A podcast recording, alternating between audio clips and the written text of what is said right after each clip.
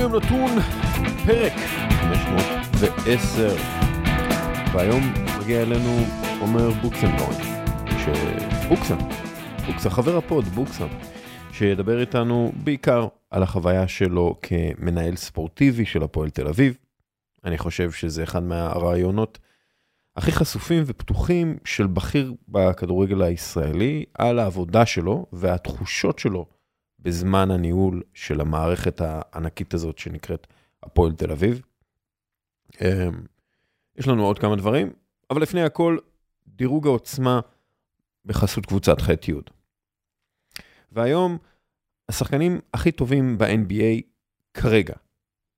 אני בודק את הנתונים המתקדמים, BPM, שזה פלוס מינוס, ו-EPM, שזה פלוס מינוס עם נתונים מתקדמים, ו-VORP, שזה הערך שהוא, שכל שחקן מוסיף מעל השחקן הממוצע, וגם ווינשר ועוד דברים, אבל לא רק. אני גם מחשב את ההשפעה שלהם על קבוצתם, את רמת הקבוצה שלהם, את התרומה שלהם לקולקטיב ולחברים לקבוצה ועוד כל מיני דברים. ורק אחזור ואומר שזה לא דירוג אובייקטיבי, זה דירוג סובייקטיבי, וזה סובייקטיבי שלי, אז מי הם שחקני ה-NBA הכי טובים כרגע, לדעתי, נתחיל במקום העשירי.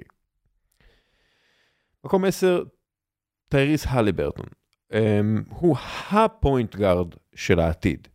מוסר מעולה, שחקן קבוצתי מופלא, שחקן הגנה טוב מאוד, אה, וה, והנתונים המתקדמים שלו הם, הם הרבה מעל פוינט גארדים שנחשבים לטובים ממנו, כמו ג'ה מורנט, ג'יילן ברונסון, טריי יאנג ואחרים. הפוינט גארד של אינדיאנה הוא בקלות בטופ 10 של השחקנים ב-NBA כרגע, לדעתי, וראינו את אינדיאנה בלעדיו, שזו קבוצה שאפילו לא מתקרבת לפליי-אין, ואינדיאנה איתו, שהייתה קבוצת פלייאוף במזרח. אמ, אז טייריס הליברטון, מקום עשירי, השחקן העשירי הכי טוב ב-NBA כרגע, אני יודע, זה מפתיע. מקום תשיעי, אה, דומנטאס סבוניס, בפשטות, הוא לסקרמנטו מה שניקולה יוקיץ' לדנבר. הוא הסנטר והפליימייקר, הריבאונדר המוביל והשחקן שהכל נע סביבו. אה, באמת, הוא שחקן מופלא, שהעונה הוא בפעם הראשונה בעצם מוביל קבוצה מההתחלה ועד הסוף, ונראה שהוא הולך להוביל אותה לקטיעת הרצף הש... השלילי, השיא השלילי, הרצף עם השיא השלילי, או השיא השלילי, הרצף שהוא שיא שלילי, אה, של שנים ללא פלייאוף ב-NBA. אגב, גם בנתונים המתקדמים הוא ב top. כאילו, אם, אם לוקחים את כל הנתונים המתקדמים ו- ושמים אה, אותו עם שחקנים אחרים, אז הוא שמה לצד הטובים ביותר. מקום שמיני, דמיאן לילארד. לדעתי, כל קבוצה שתלויה בדמיאן לילארד היא קבוצה עם תקרה יחסית נמוכה, אבל עדיין, אה, העונה הוא סוחב את הקבוצה שלו עם 31.5 נקודות למשחק, כמעט 7.5 אסיסטים למשחק, 57 באחוזים אה, יעילים EFG, אה, הוא בטופ 6 בליגה ב-EPM למשל, מקום שביעי בליגה בוורפ, מקום שביעי בליגה בווינשר, שחקן באמת על חלל. והוא הוא, הוא בעצם, כן, אין מה לעשות, סטף קרי לעניים. נגיד את זה ככה, אה, ולא עניים ממש, סטף קרי למיליונרים, לא למיליארדרים, נגיד את זה ככה. מקום אה, שביעי, שי ג'ילג'ס אלכסנדר, ה-SGA, הרכז של אוקלהומה סיטי ת'נדר, הוא אחד מהשחקנים הכי טובים מהעונה, ואין בכלל ספק שהקליפרס אוכלים את הלב בגללו. כי הוא היה אצלם, והם העבירו אותו בשביל פול ג'ורג'. כשמסתכלים על הנתונים המתקדמים, הוא, הוא ב top 3 אה, ב VORP, אה, top 10 בפלוס, בפלוס מינוס, וצריך לראות את המשחקים של אוקלהומה, כדי להבין איזה נשק קטלני הוא, ואיזה קבוצה מגניבה תהיה לת'נדר בשנים הבאות, הוא וגידי וג'יילון וויליאמס וכל מיני שחקנים מדהימים וצעירים בצורה בלתי רגילה, הם, הם יהיו אדירים. אפרופו קליפרס. קוואי לנארד היה מועמד למיקום הזה, למקום שביעי, וגם אני ראיתי אותו משחק uh, לאחרונה, והוא באמת משחק הרבה יותר טוב, אבל הוא שיחק רק 34 משחקים מהעונה, ובוא נגיד, לא הייתי בוחר אותו לקבוצת פנטסי שלי, אה, וכשמסתכלים על הנתונים מתקדמים, הוא רק מקום 27 בליגה ב VORP למשל. אה, כן, מעטים עם נתוני EPM טובים יותר משלו, אבל הוא שחקן אדיר כמובן, אבל בינתיים, כרגע הוא לא נכנס ל top 10 שלי. יש מצב שהוא מקום 11 או 12, משהו כזה. אה, מקום שישי, ג'ואל אמביד. הוא top 3 ב VORP, top 3 ב-EPM, top 3 ב-PER, top 3 ב win share, ל-48 דקות, ו- ו- והוא עושה את הכל על רגל די פצועה, אה, רושם נתונים מטורפים, 33 נקודות למשחק. אה, כמעט עשרה וחצי ריבאונדים למשחק, ארבעה אסיסטים למשחק, מדהים, באמת. ועדיין, בעיניי, הוא לא הוכיח שאפשר לסמוך עליו. sorry. אני לא יודע כמה הקבוצה שלו חזקה באמת, וכמה היא נראית חזקה באמת. אמ, ונראה לי שזה הרבה בגללו. אפשר כאילו להגיד שהרדן ובן סימון ווואטאבר וכולי, יש לי תחושה שמשהו איתו, למרות שהוא שחקן מדהים, משהו איתו גורם לקבוצות שלו אה, לא להגיע למלוא הפוטנציאל שלהם, לא להצליח הכי טוב שהן אה, יכולות. לא יודע, יש איזה משהו איתו. אז נכון, הוא אחד מהשחקנים הכי טובים בליגה, ועדיין אני חושב שיש איזושהי בעיה איתו. ולכן אני גם לא שם אותו גבוה יותר. אוקיי, בגלל שזו רשימה שלי, אני בעצם לא מרמה, בגלל שאני קובע את החוקים, אבל אני מרמה פה. 5א, אמ, מקום 5א, קווין דורנט, לפני הפציעה היה, כאילו, לפני הפציעה הוא 120 אחוז בחמישיית העונה הראשונה, הוא אה, מועמד ל-MVP, top 3 ב-MVP, הקלע הוכיח את עצמו כהקלע היעיל בהיסטוריה, באמת, מפלצת כדורסל ושחקן הגנה underrated. אה, אה, והוא שחקן הגנה מעולה, אה, אבל, אבל, אבל, אבל, כמה שזה נשמע מגוחך, הוא לא הוכיח שהוא מסוגל לסחוב קבוצה. כאילו, לשיאים, ההפך, הוא הוכיח שהוא מסוגל בהחלט לחסל קבוצות. אם בגלל ההתעקשות שלו שתהיה לו קבוצה משלו, או עם ההתעקשות שלו על חבר שיהיה בקבוצה ויהרוס אותה, קיירי ארווין כזה. דורנט הוא שחקן מופלא באמת, אבל קשה לי לסמוך עליו.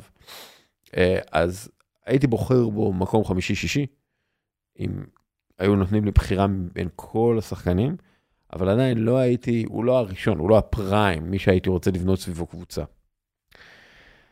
חמש ב', סטף קרי. אה, הוא שיחק 38 משחקים, העונה שבהם ברובם הוא הוכיח שהוא השחקן ההתקפה הכי טוב בליגה, הכי יעיל בליגה. אה, כשהוא על המגרש, הווריירס מועמדת לאליפות. כשהוא לא, הם לא מועמדים לאליפות, הם אפילו לא מועמדים ל play-in. אה, קרי גם top 4 בפלוס מינוס, ב top 4 ב-EPM, והוא יצר ה space הטוב בהיסטוריה וכולי, אז הוא כרגע, גם בגלל הפציעות, גם בגלל הגיל וכולי וכולי, רק במקום החמישי. מקום רביעי, ג'ייסון טייטום. טייטום לא ב top 3 ב VORP ולא ב top 3 ב-EPM, אבל הוא השחקן הכי חשוב בקבוצה הכי טובה בליגה. וגם רואים את זה העונה במשחק שבו הוא קולע 12 נקודות ובאחוזי קליעה נוראים, הוא ממשיך לעשות את מה שהפך את הקבוצה שלו לאחת מהכי טובות בליגה. הוא ממשיך לעשות הגנה והוא ממשיך לעשות את השלשות ולזרוק את השלשות, אפילו, אפילו שזה, שהוא לא, שזה לא עוזר לו אישית לאחוזים, הוא יודע שהוא צריך לזרוק את השלושה בשביל לייצר את הספייס לחברים שלו לקבוצה, הוא מפרגן, תמיד תומך אחד, ב, ב, תמיד, תמיד יש את התמיכה שלו בשחקנים, החברים שלו לקבוצה, תמיד הוא עוזר לקבוצה. הוא ממש דוגמה ומופת לכל שחקן בבוסטון, אה, ובעיניי הוא סוג של סופרסטאר שלא מתנהג כמו סופרסטאר, הוא לא דורש יחס עבודה, הוא מגיע, אה, סליחה, הוא לא דורש יחס מיוחד, הוא תמיד מגיע לעבודה. ראוי מאוד להערכה כזו שלו בגיל כל כך צעיר. אמ, חוץ מזה, הוא גם אה, חוגג יום הולדת עוד מעט, אז ג'ייסון טייטום, מקום רביעי. מקום שלישי, לוקה דונצ'יץ'. לוקה ב top של, ב top שלוש בכל המדדים המתקדמים, כן? אה, כיאה למי שעם נתונים של 33 נקודות למשחק, 8 ריבאונדים, 8 אסיסטים. המספרים שלו היסטוריים, אבל הוא לא הכי טוב שלו עדיין. אני יודע, זה נשמע מגוחך. אמ, עד ל trade של דאלאס לקיירי עבור קיירי, לוקה סחב את הקבוצה לבד, והקבוצה הזאת, בלעדיו, הייתה הקבוצה הכי גרועה בליגה. כלומר, מקום 30 ומטה בכל המדדים המתקדמים. אה, זה פשוט, רואים את זה בנתונים. הם לא ניצחו אף משחק בלי לוקה עד בעצם הטרייד של uh, קיירי. Uh, איתו הקבוצה הזאת, היא בעצם קבוצה עם סיכוי ללכת עד הסוף. כאילו, כן, לוקה יכול לנצח כמה סדרות פלייאוף בעצמו, וזה בעיניי מוכיח כמה שהוא מענק. למה הוא מקום שלישי? כי יאניס, שהוא כנראה השחקן הכי משפיע ב-NBA, במקום השני. כאילו, כשמסתכלים על תרומה הגנתית ותרומה התקפית, יאניס כנראה הוא השחקן המשפיע ביותר ב-NBA, ויש מצב שהוא יזכה ב-MVP ובתואר שחקן ההגנה של השנה. הוא top 10 בכל מדד מתקדם, מדביק את אה, כל החברים שלו בגישה המדהימה שלו לכדורסל ולקבוצתיות, אה, אבל, אבל, כן, אבל הוא רק מקום שני, כי מקום ראשון זה ניקולה יוקיץ', שהוא פשוט לא הוגן לשאר השחקנים. השחקן הכי חכם ב-NBA, השחקן הכי כיפי לצפייה ב-NBA, מוסר היסטורי, אחד uh, מהקלעים היעילים בהיסטוריה, ריבאונדר אדיר. מקום ראשון ב-PER, מקום ראשון בוופ, מקום ראשון בפלוס מינוס, ובפער ענק, בפער ענק. הוא אפילו לא רואה, הוא מסתכל הצידה ולא רואה מישהו בקצה של העין, הוא לא רואה. מקום ראשון ב-EPM, שוב, בפער ענק. אה, דנבר במקום הראשון במערב. אה, בלעדיו, דנבר אולי אחת מהקבוצות, אולי אחת מחמש הקבוצות הגרועות במערב, אם אני מסתכל סתם רק על השחקנים. בפשטות, ניקולה יוקיץ' הוא השחקן הכי טוב ב-NBA, בקבוצה שאולי אה, תהיה הכי טובה בסוף העונה ב-NBA, וזהו. ניקולה יוקיץ', השחקן הכי טוב ב-NBA, לפי דירוג העוצמה של קבוצ... בחסות קבוצת ח'-י'. אז uh, עד כאן uh, דירוג העוצמה של קבוצת ח'-י', שהיא יבואנית של אולד, של LG, הטלוויזיה הטובה בעולם. כשצופים בכדורסל, עדיף שזה יהיה כמו שצריך עם מסך אולד של LG, כל פיקסל מואר באופן עצמאי, והשנה יש גם אפליקציית עדכוני ספורט מובנית בתוך הטלוויזיה. ועכשיו אנחנו עוברים לבוקסה. בוקסה. תקרב, תקרב למיקרופון. כן. אה, זהו, שכחת... יצאנו לדרך, נכון? יצאנו, יצאנו, אה, שכחת איך מתראיינים, זהו, כאילו. תקרב, תקרב למיקרופון. אני שמח להיות כאן. אחלה, מה המצב? מעולה. אה, הרבה זמן לא היית כאן, כי היית עסוק, כל מיני דברים אחרים. כן, די, די עסוק. אמ, היה, מרסלו ביאלסה כתב בספר שלו על הבדידות של המאמן. הוא אמר שאין הרבה מקומות בעולם שבהם אדם אחד מרגיש כל כך בודד מול קבוצה של אנשים. קבוצה של אנשים שכביכול הם עובדים איתו, עובדים בשבילו, אבל הוא בודד. אה, והוא דיבר על זה הרבה. אה, דרך אגב, פפ, גורדיאלה אמר שכמאמן אתה כל הזמן לבד עם המחשבות שלך, וההחלטות שלך, ובסופו של דבר אתה חי בעולם מאוד מאוד לא חברי. אתה כאילו בודד. אותי מעניין, אתה יודע, הבדידות של המנהל הספורטיבי. אני מאוד מזדהה איתם. אני מאוד מזדהה איתם. יחד עם זאת, אני חייב להגיד שאני חושב שרוב האנשים בעולם מרגישים את הבדידות הזאת. גם אם אתה שחקן, גם אם אתה שחקן תיאטרון, גם אם אתה עורך דין, אנשים, נורא קל להם לשקוע ולהרגיש את הבדידות הזאת.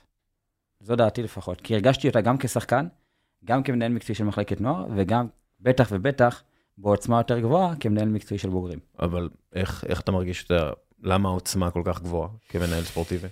בגלל שיש המון ביקורות, אה, אתה חשוף ל- ל- להמון תגובות. למשל, אתן לך את הדוגמאות הכי אה, אה, קטנות, למשל ברחוב, בסופר, לקחת את הילדה לבית ספר, כל רגע יש תגובה, היא לא נעימה, זה, אתה מרגיש, ובסוף הכל מתנקז לאיזשהו משהו, לתוך אה, רגש פנימי שלך, שהופך את זה ליותר קשה, בגלל שיש, תמיד כשיש לך בעיה בעבודה, איזושהי מורכבות, אז יש לך איזשהו רגע שאתה מרגיש בודד וקשה לך. אבל שכל האנשים סביבך ממשיכים להפיל את, את, את הבעיה הזאת ומציפים לך אותה כל הזמן, גם כשאתה לוקח את הילדה לבית ספר, והיה לנו משחק נגד אשדוד בבוגרים, שהפסדנו דקה 94, 1-0 השנה. והייתי צריך להיות הורה מלווה בבית ספר, הילדה ביקשה, וכמובן שהסכמתי, ואני זוכר שהגעתי בשבע וחצי, והדבר הראשון שבא אליי הורה אומר לי, איך אתמול, ואתה יודע, אתה... רגע, עברנו את המשחק, לא ישנתי כל הלילה דקה בגלל המשחק, אני עם הילדה, רוצה שנייה להיות איתה כמה דקות, לנקות את, ה, את, ה, את המשחק. וזה עדיין חוזר אליך. אז כשאתה בתוך התפקיד הזה של מאמן, של מנהל מקצועי, ואתה בתפקיד שהוא הוא, אה, נמצא בכותרות, אז אתה מרגיש את זה בווליום הרבה יותר גבוה. זה בעצם להיות בודד, אבל על במה עם זרקור עליך, סוג של. כן, לגמרי. אה, אני חושב שיש לזה יתרונות ויש לזה חסרונות. איך מתמודד, כאילו, יש פה התמודדות, הרי, כלומר, אתה יודע, אנחנו, בשביל אה, להתמודד עם דברים שעושים לנו רע, דברים חיצוניים שעושים לנו רע, אנחנו אה, מפתחים מנגנונים שהם מנגנוני הגנה, אם זה בריחה לתוך העבודה, אם זה, אתה יודע, עזיבה, אם זה ניאליזם, אתה יודע, כל אחד עם ההתמודדות שלו, איך, איך אתה התמודדת עם... אני דאגתי לזמן אה, איכות עם עצמי.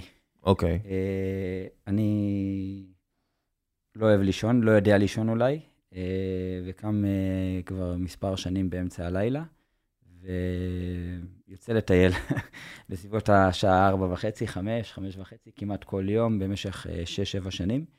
אה, ושם אני רץ עם המחשבות שלי, אה, מדבר המון לעצמי, חושב אה, על דברים, בין היתר על, על העבודה, אם לא רק על העבודה. אבל, אה, ואז אתה מקבל שם פתרונות, או שלא מקבל פתרונות, או שההפך, חושב יותר מדי, לפעמים שזה גם לא בריא, אני חושב, אה, להתעמק במשהו ולחשוב יותר מדי. לפעמים צריך לדעת לשחרר ו- ו- ולזרום, אה, ולא לדעת הכל, זה לא תמיד בריא לדעת הכל ו- ו- ו- ולרצות לדעת הכל. אה, אבל ככה הייתי אה, מנקה את ה- את הדברים האלה, למרות שעכשיו אני חושב על זה, היה יותר נכון שהייתי הולך לדבר עם מישהו. לפסיכולוג, כאילו. פסיכולוג, כן, הייתי שנים עם פסיכולוגית, לא יודע, איפשהו, כאילו שחררתי לפני כמה שנים, ו, והפסקתי, חזרתי קצת, ואני חושב שדווקא, ש- שיפ- כן הייתי צריך ללכת ולהוציא את זה החוצה, ולא הכל לספוג בפנים. תגיד, יכול להיות ש... כי הרי התפטרת, בסופו של דבר. נכון. באופן רשמי, התפטרת, לא, לא התפוטרת, לא אמרו לך זה. לא, לא, לא. אתה, אתה קיבלת החלטה, כן. אני מתפטר. אז כאילו, אתה יודע, מה אתה חושב בש, בהליכות האלה בשבוע לפני הפיטורים? כי אני מתאר לעצמי שזו החלטה שמבעבעת ואתה מת- מתעסק איתה הרבה. לא. מה אתה חושב? אני, אני, אני, אני, אני אחזור קצת אחורה ל, ל, לתחילת הדרך שלי בבוגרים, שלא רציתי את התפקיד, לא הייתי סגור על זה. זאת אומרת, לא כיוונתי להיות במנהל המקצועי של הבוגרים של הפועל תל אביב אה, אה, בשנה הזאת. אבל כשאתה מקבל כזאת הצעה, ושיש לך מערכת יחסים כזו נהדרת עם המועדון, עם האנשים במועדון, עם הבעלים, עם, עם האנשים אחרי שנים שם, כמנהל כן, ספורטיבי במחלקות נוער. זה הרגיש לי מאוד טבעי לעשות את זה, למרות שהייתה הצעה, אני אגיד עכשיו, ממכבי חיפה. נפגשתי מספר פעמים עם איציק עובדיה, שהוא אז ניהל את המחלקת נוער, והוא אמר לי שהוא הולך להיות מנכ"ל, והוא רוצה שאני אחליף אותו בניהול מחלקת נוער. וידעתי שמקצועית, זאת אומרת, יהיה יותר נכון ללכת למכבי חיפה, לבנות שם עוד שלוש-ארבע שנים את המחלקת נוער. אני מאוד אוהב לעבוד עם, אה, אה, עם אה, שחקנים צעירים, לבנות להם את האישיות ואת האופי. אתה יכול לעצב אותם, זה מאוד כיף. וחוויתי את זה בשרי טוב מאוד בחצי שנה האחרונה. מה זה שחקנים עם אופי שאתה צריך לבוא ולהתאים את עצמך. אני חושב ש... שידעתי שאני לא צריך להיות בתפקיד, בכל זאת נכנסתי לתפקיד, ומפה היה, הייתה חצי שנה של בלבול. זאת אומרת, רציתי להיות כאילו שלם עם ההחלטה. כאילו אינטואיטיבית, הבטן שלך של... לא הייתה שלמה אף לא, פעם. לא, לגמרי, לגמרי, מההתחלה, מהשנייה הראשונה. אני גם אגיד, לפני המסיבת עיתונאים הראשונה שלי, כמה ימים לפני זה, התקשרתי לבועז טושה ולאיציק ניסנוב. אמרתי להם, תקשיבו, אני באמת אוהב אתכם, אני מעריך את זה, זה באמת כבוד עצום להיות במועדון הזה, בתפקיד הזה. זה לא נכון עבורי כרגע. זה לא נכון עבורי. אמרו לי, אנחנו איתך. אמרתי תקשיבו, השנה הזאת הולכת להיות קשה. אתם, בועז עושה הכל בשביל אה, אה, לצאת מה, קבוצה. מהקבוצה. אתם הבעלים, אתם רוצים... ל... כרגע יש חוזים ש... עם שחקנים שאני פחות הייתי רוצה בקבוצה, למשל. או... המצב לא טוב, יש גירעון נורא גדול. אני לא חושב שזה נכון עבורי. אנחנו, באמת, הם נתנו לי גב, הם היו נהדרים איתי. אני חייב להגיד את זה, ובאמת, הבעלים היו מדהימים איתי. אה, אבל בתוך תוכי הרגשתי שיהיה לי קשה. ידעתי שיהיה לי קשה. אה, מקצועית, מקצועית. כי את כל ההתמודדות הנפשית והתמודדות קשה, הגעתי אליה מאוד מוכן. והיא מאוד קשה, אבל הגעתי אליה מאוד מוכן. אה, מקצועית ידעתי שיהיה מאוד קשה, ולא הצלחתי לשרוד את זה. לא הצלחתי לשרוד את זה, בגלל ינואר הקרוב. זאת אומרת, אז היה ינואר הקרוב, כן. ינואר, ה- ה- כאילו, שעבר. קח אותי באמת, אתה יודע, להליכה, ש- שההחלטה הזאת מתגבשת, כי החלטות אה, של גדולות כאלה, זה משהו שמתבשל. ואתה, או שאתה מודע לזה, או ש... לא עושים, בטח לא אתה, אתה לא עושה משהו ב... אתה יודע, בספונטניות. ביום, ביום רביעי, אה, ביום רביעי, ביום אה, שני היה משחק עם הפועל באר שבע, בדרך למשחק אה, נסעתי עם המנהל המקצועי של מחלקת נוער, אסף גרנשטיין, והודעתי לו, אמרתי לו, אסף, תשמע, ביום רביעי אני מוציא הודעה שאני עוזב את המועדון. והוא צחק. אמרתי לו, לא, אני לא צוחק, אני 100% רציני, אני, חשוב לי, גם רשמתי, עשיתי רשימה, להודיע למספר אנשים שהם קרובים אליי, שידעו שאני עוזב את המועדון. לצערי, קרה מה שקרה גם בבאר שבע, היה פאנצ'ר מאוד גדול, הפסדנו, אה, קיבלנו תבוסה נורא קשה, והיה סיפור יום שלם אחרי זה עם סלובו וכל העניין, והוצאתי את זה ביום שלישי בלילה בסוף את הידיעה. אבל זאת אומרת, כבר את ההחלטה קיבלתי כמה ימים לפני, אה, זה משהו שהתבשל הרבה זמן. למה זה קרה? כי אני חושב שבסוף, ההחלטה הסופית, זה ראיתי שאי אפשר לעשות שינויים. אה, וראיתי שאין לי השפעה, ושאני לא יכול להביא את עצמי לידי ביטוי כמו שרציתי. מה זה אומר כשאין לך. השפעה? אני אסביר. אמ, דבר ראשון, כל מה שהבאתי למחלקת נוער, מעבר לערכים, אני מדבר על העניין המקצועי כרגע, זה עקרונות משחק שאני מאמין בהם. ו... ולפי השיטת אה, משחק, אג'נדה, פילוסופיה שלי, ככה עבדה מחלקת הנוער. לקח זמן עד שהבינו, עד שמאמנים לא יקלטו, אבל אחרי זה זה מאוד היה קל, כולם התחברו לתוך הדבר הזה, ו- וזה רץ מאוד uh, טוב. כשהגעתי לבוגרים של הפועל תל אביב, אז היה קובי רפואה, שיש לי כבוד גדול לקובי רפואה, בכל זאת, עשה קריירה נהדרת כשחקן, מאמן כבר בכיר ב- בליגת העל, מאמן המון שנים. ואז לבוא עם העקרונות שלי, של מישהו שניהל את המחלקת נוער, ולא ידעתי איך לגשת לקובי עם העניין הזה. והיה בינינו המון uh, ככה דיבור מקצועי שהוא... אנחנו חלוקים לגבי העניין המקצועי. לא רציתי יותר מדי גם להכניס את העניין הזה, כי בשביל לא לבלבל, ובסוף כן בלבלתי. אני יכול להגיד שקובי רפואה וסלובן דראפיץ' היו פחות טובים בהפועל תל אביב הרבה בגללי. וזה גם כי- גרם... כי- כי, כי- אני, יש לי... אני רואה את המשחק בצורה אחרת, לא אגיד טובה יותר או פחות טובה. פשוט, יש דרכים בכדורגל, אה, עם עקרונות משחק מאוד ברורים. אה, אני יכול להגיד שסלובו עשה מאמץ מאוד גדול להתחבר לתוך הדבר הזה, שזה מדהים. אבל שנייה, כאילו, אתה יודע, כשמדברים על מנהל מקצועי, מנהל מקצועי בוחר את המאמנים. נכון. אז כאילו, לא בחרת, כאילו, את קובי לא בחרת, אז בוא, אבל תראה, כאילו, אז אני אתחיל מזה. אה, אני לא מצטער על כלום. זה נתחיל מזה. אני לא מצטער על כלום, אוקיי? גם אם אני חוזר אחורה, כנראה הייתי מתנהל ככה. אה, אני כבר בן 40, ואני חשבתי על כל מהלך שאני עושה ופעולה, וידעתי, לא, יד... לא הבנתי את ההשלכות שיהיו לזה, לא הבנתי, אני חייב להגיד שלא הבנתי. היום, בוא נגיד, חוזר אחורה, הייתי מבין את ההשלכות, אז היה לי יותר קל, אבל לא הבנתי את ההשלכות שיהיו לזה. אה, אבל אני חושב שנכון, כשהגעתי להפועל תל אביב, וקובי היה שם, קובי היה צריך להישאר. אה, אה, לקובי הובטח שאם הוא ייקח את הקבוצה לפלייאוף עליון, ואני חושב שאם הובטח לבן אדם משהו, צריך לעמוד מאחורי ההבטחה, ומילה בשבילי זה דבר מאוד חשוב. אני בן אדם של מילה. וקובי היה צריך להמשיך ולהישאר, ואני חושב שגם בשביל למשוך את הקהל, היה לי מאוד חשוב לחבר את הדבר הזה שבהפועל אביב את הקהל, בגלל העשור המאוד אה, קשה למועדון ולקהל, שבאמת לא, אין, לא מתקרבים לתואר וזה מועדון גדול.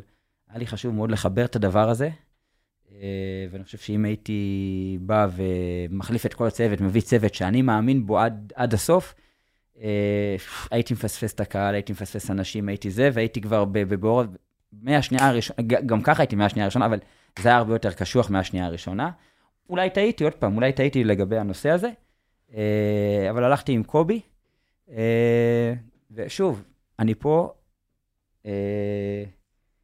כי גם עשיתי הרבה טעויות. גם עשיתי הרבה טעויות, אה, אבל אתה יודע, אתה רואה, אני עם מחברות, אני רשמתי הכל ואני לומד מזה. אז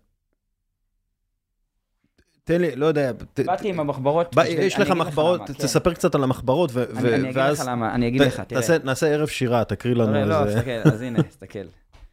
אז אה, הבאתי פה שלוש מחברות, כי זאתי האחרונה עכשיו שקניתי לא מזמן, וכתבתי קצת את ה... מהיום שעזבתי, איך את התחושות שלי עכשיו. אמ, כבר שנים שאני כותב, זאת אומרת, אני לא, לא איש מחשבים, אני יותר uh, כותב במחברות. לא מזמן לקחתי את רוב המחברות וכבר לא היה איפה לאחסן אותן ו- ו- ו- ושלחתי אותן uh, לפח. באמת? אתה, כן, כן, כן. Okay. אוקיי. אלה מהפועל רמת גן, כאילו, שהתחלתי שם. אתה לא רוצה לכתוב ספר יום אחד? לא, לא יודע, לא, לא, לא יודע, הסתכלתי לזה, ראיתי שזה חסר חשיבות, כאילו, okay. יש אוקיי. שם, היו שם דברים יפים וזה, אבל עוד פעם, נחמד, לא יודע. הלך לי אוטומטית, זה ככה... ויש לי את השלוש שנים האחרונות, יש לי את המחברות. יש לי במגירה ויש לי... שכל יום אז... אתה כותב משהו. לא כל יום, אבל uh, ניסיתי לעשות בהתחלה כל יום, לא הצלחתי, כל כמה ימים. Uh, היו כמה נושאים שהייתי רוצה להתעכב עליהם, אז הייתי, הייתי רושם. Uh, למשל, יש לי פה למשל מהחודש הראשון, אז יש לי שני עמודים על החודש הראשון בהפועל תל אביב.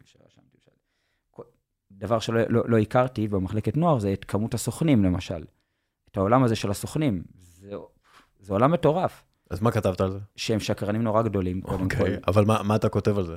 אה, שאין, לא, אסור להאמין לאף אחד, אוקיי? הם כולם אה, באים בגישה של אה, חברות, שהם חברים שלך, שהם מאוד אוהבים אותך ורוצים שתצליח, אבל הם, אין להם טיפת אמת, זאת אומרת, אפס אמת בדברים שלהם. הם רוצים רק לשווק את השחקנים שלהם ולמכור לך את השחקנים שלהם, השחקן שלהם הוא תמיד הכי טוב. הציעו לי 100 זרים נניח, אז 98 לא משחקים עכשיו בקבוצות שלהם, ואין להם קבוצה ולא פוגעים. שניים שכן פוגעים, אז הסוכנים שולחים לך, אז תסתכל מה פספסת, הוא נמכר ב-6 מיליון יורו, הצענו לך אותו. אבל לא 99 שחקנים שהציעו לי, הם לא נותנים, אתה יודע, זה נורא קשה. זורקים עליך כמות שחקנים מטורפת, אגב. מטורפת. כן. לא ידעתי גם את כמות הסוכנים שיש. זאת אומרת, אתה לא יכול להבין את כמות הסוכנים שיש. אנחנו מכירים אולי 10, 12, 15, 20. יש מעל 100. יש מעל 100. וכולם שולחים לך הודעות, וכולם רוצים תשובה, וכולם, ו... תראה את השחקן הזה, ואתה לא. יכול לעקוב אחרי השחקנים שלהם. וכמה מפתיע שיש אנשים שפונים מטעם סוכן, ואתה לא חשבת שהם יעשו את זה? אה, יש הפתעות. יש הפתעות, לא היו הרבה. לא היו הרבה. לא, אבל אנשים כאילו שלא אמורים לעשות את זה, אה, פונים אליך, נכון? לפעמים, כן, היו. יש, אתה יודע, יש את החוצפה הישראלית. כן. יש את החוצפה הישראלית, אה, מרגישים את זה טוב, אבל... חוצפה ישראלית, חוסר אתיקה לפעמים, כן. כזה. לגמרי. ואתה כותב את הדברים ב... אה, כותב, אתה יודע, כן. אה, למשל, מה כתבת? שורה על הסוכן, למשל. כתבתי, לא, כתבתי למשל ש... עוד פעם, חוסר אמון, שחקן שלהם הכי טוב, הם כועסים עליי כל הזמן. אתה יודע, דברים כאלה. היה לך פיצוצים איתם, או שזה לא הגיע לקונפליקטים כאלה? יש כאלה שכן, יש כאלה שהיו פיצוצים, כמובן. הרוב הגדול, אה, אני חושב שהייתי איתם ביחסים טובים. אה, חיבה, השתדלתי, השתדלתי, אני אומר, כי היה כמות מטורפת של הודעות, לענות לכולם. השתדלתי. מה, זה. כאילו ביום הראשון שאתה מקבל את התפקיד, מודיעים על זה, ואז אתה מתחיל לקבל הודעות? כאילו? זה, ממש ככה, ממש ככה. כמה הודעות יש לך עכשיו בטלפון? עכשיו תראה, לא הצלחתי, עוד לא, אני יכול למחוק, אבל תוכל לראות, לא, יש קצת הודעות, אבל תסתכל. אתה רואה כמה צ'אטים פתוחים? כי יש כאלה 847, כי כבר ב... למטה, זה שעוד הייתי בהפועל, אז לא, לא נכנסתי, אתה כן, רואה? חזרת לי, כן, עכשיו, חזרת אליי לך להודעה אחרי איזה שבוע נראה לי. אני אגיד לך, אני אגיד לך. אה, כשנכנסתי לתפקיד, זאת אומרת, לפני שנכנסתי לתפקיד, ואפילו לפני שזה פורסם, הלכתי להיפגש עם יניב ברדה, נסעתי לבאר שבע, כי הוא היה אז המנהל המקצועי של הפועל באר שבע. ואז כשזה פורסם, גם קבעתי עם ברק יצחקי, אבל זה פורסם, ואז כמה ימים אחרי זה נפגשתי עם ברק יצחקי. ומישהו צילם אותנו. וגם אמרו, הוא רוצה למכור שחקנים למכבי, הוא רוצה זה. עכשיו, אני בכלל באתי קצת לשמוע מה הוא עושה, איך, רקע, היינו בקורס פרו, היה בינינו חיבור. כן, חברים כאילו, אתם כן, לא... כן, כאילו, הוא היה קולגה כשחקן, הוא שיחק, אתה יודע, אנחנו באותו דור, פחות או יותר, ו- ועכשיו הוא בתפקיד uh, שאני הולך לעשות. אז אתה יודע, התייעצתי עם, דיברתי עם ברדה שהיה איתנו בקורס פרו, אז דיברתי עם ברק יצחקי. ואני זוכר שהוא הראה לי את כמות ההודעות והסוכנים וכזה, אתה יודע, ואמרתי, אוף, מה, כאילו, את זה אני הולך לעבור? לא, לא נראה לי שזה אותו דבר, מכבי, כאילו... ואני זוכר שאחרי זה פגשתי אותו, אמרתי לו, תשמע, בדיוק מה שאמרת לי קרה, הסוכנים, הכמות הודעות, האוהדים, אגב, אוהדים. אחת וחצי בלילה אתה מקבל הודעות, שבת, לפני שהתחילה העונה, על כל רכש. הבאתי את קאיס גאנם, הרכש הראשון, ביחד עם הישאם ליוס, שני שחקנים. אתה יודע איזה הודעות קיבלתי מאוהדים? איזה? אתה יודע, יש לי שמור? ההודעות שמורות. איזה הודעות? בוא אני אקריא לך, אתה רוצה שאני אקריא לך? כן, להקריא? כן, כן, תקריא. זה- זה קשוח. אין בעיה. דברים כאילו... אני- חביבי, אני פה, אני מכיר את הכדורגל הישראלי. אני שמרתי, שמרתי, שום- שמרתי את שום- הדברים, חשוב היה לי לתעד את ה- את הרגע הזה. כן. אה, לא נחשוף את שם האוהד, אבל אה, כן נחשוף את מה שהוא כתב. לא, אגב, לא זה, שנייה. לא, אני יודע, זה לא אוהדים אה, מוכרים, אוהדים שהצליחו להשיג את הטלפון שלך ומרגישים בנוח לשלוח. שלא תקום מחר בבוקר עם מזדיין איזה רכש אתה מביא לנו. וזה ביומיים זה- הראשונים של זה- התפקיד בערך. זה השחקן הראשון שהבאתי. זה ש- השחקן- כן, זה. אחרי זה היה, טוב, זה כבר שהפסדנו במחזור הראשון, ל... לא, במחזור השני לסכנין. טפו עליך, יא בן שרמוטה, הרסת את הפועל, יא מזדיין בתחת. מה זה השחקנים האלה? שרמוטה, שלא תראה אור יום יותר. מותר להגיד את זה בפודקאסט, את המילים האלה? אנחנו, אין לנו... זה ההודעות רגו- שקיבלתי, כאילו, זה אין סתם, לנו זה בין היתר. רגולציה. לא, אבל זה, זה, זה בין היתר ההודעות ש... שקיבלתי. עוד פעם, וככה, כמה הודעות כאלה? יש לי, אני חושב ש... בוא נכתוב, בוא... נ- עשיתי, הרי בהתחלה, עוד שהיו שולחים לי הודעות, בהתחלה עשיתי טעות. הגבתי להם, לא בקטע הזה. אמרתי להם, תודה על הדעה, אה, אני, שיהיה לנו בהצלחה, נעשה הכל בשביל לשפר את הקבוצה, שיהיה בהצלחה. ואז ככה הייתה לי הודעה, כאילו, שניסחתי אותה, והייתי שולח לאוהדים, כאילו, תודה על הדעה, וזה, היו כאלה רושמים לי תודה. ואז ראיתי כבר שעושים מזה צחוק, שולחים לי צילומי מסך, שאני... ואז לא עניתי, פשוט לא עניתי, ואחרי שלא עניתי, פשוט חסמתי. אז, ואז הסתכלתי לא מזמן, אני צריך לראות בהגדרות, יש לי את כל האנשים שחסומים. אז בואו נראה כמה חסומים, זה בוואטסאפ. יש לי גם בפייסבוק אה, עשרות הודעות, אבל, אבל בסדר, אבל שוב, עזוב, זה החוצפה הישראלית שדיברנו עליה. אה, אי אפשר לתקן את הכל, זה גם לא צריך לתקן את הכל. אה, אז, אז כתבתי את הדברים.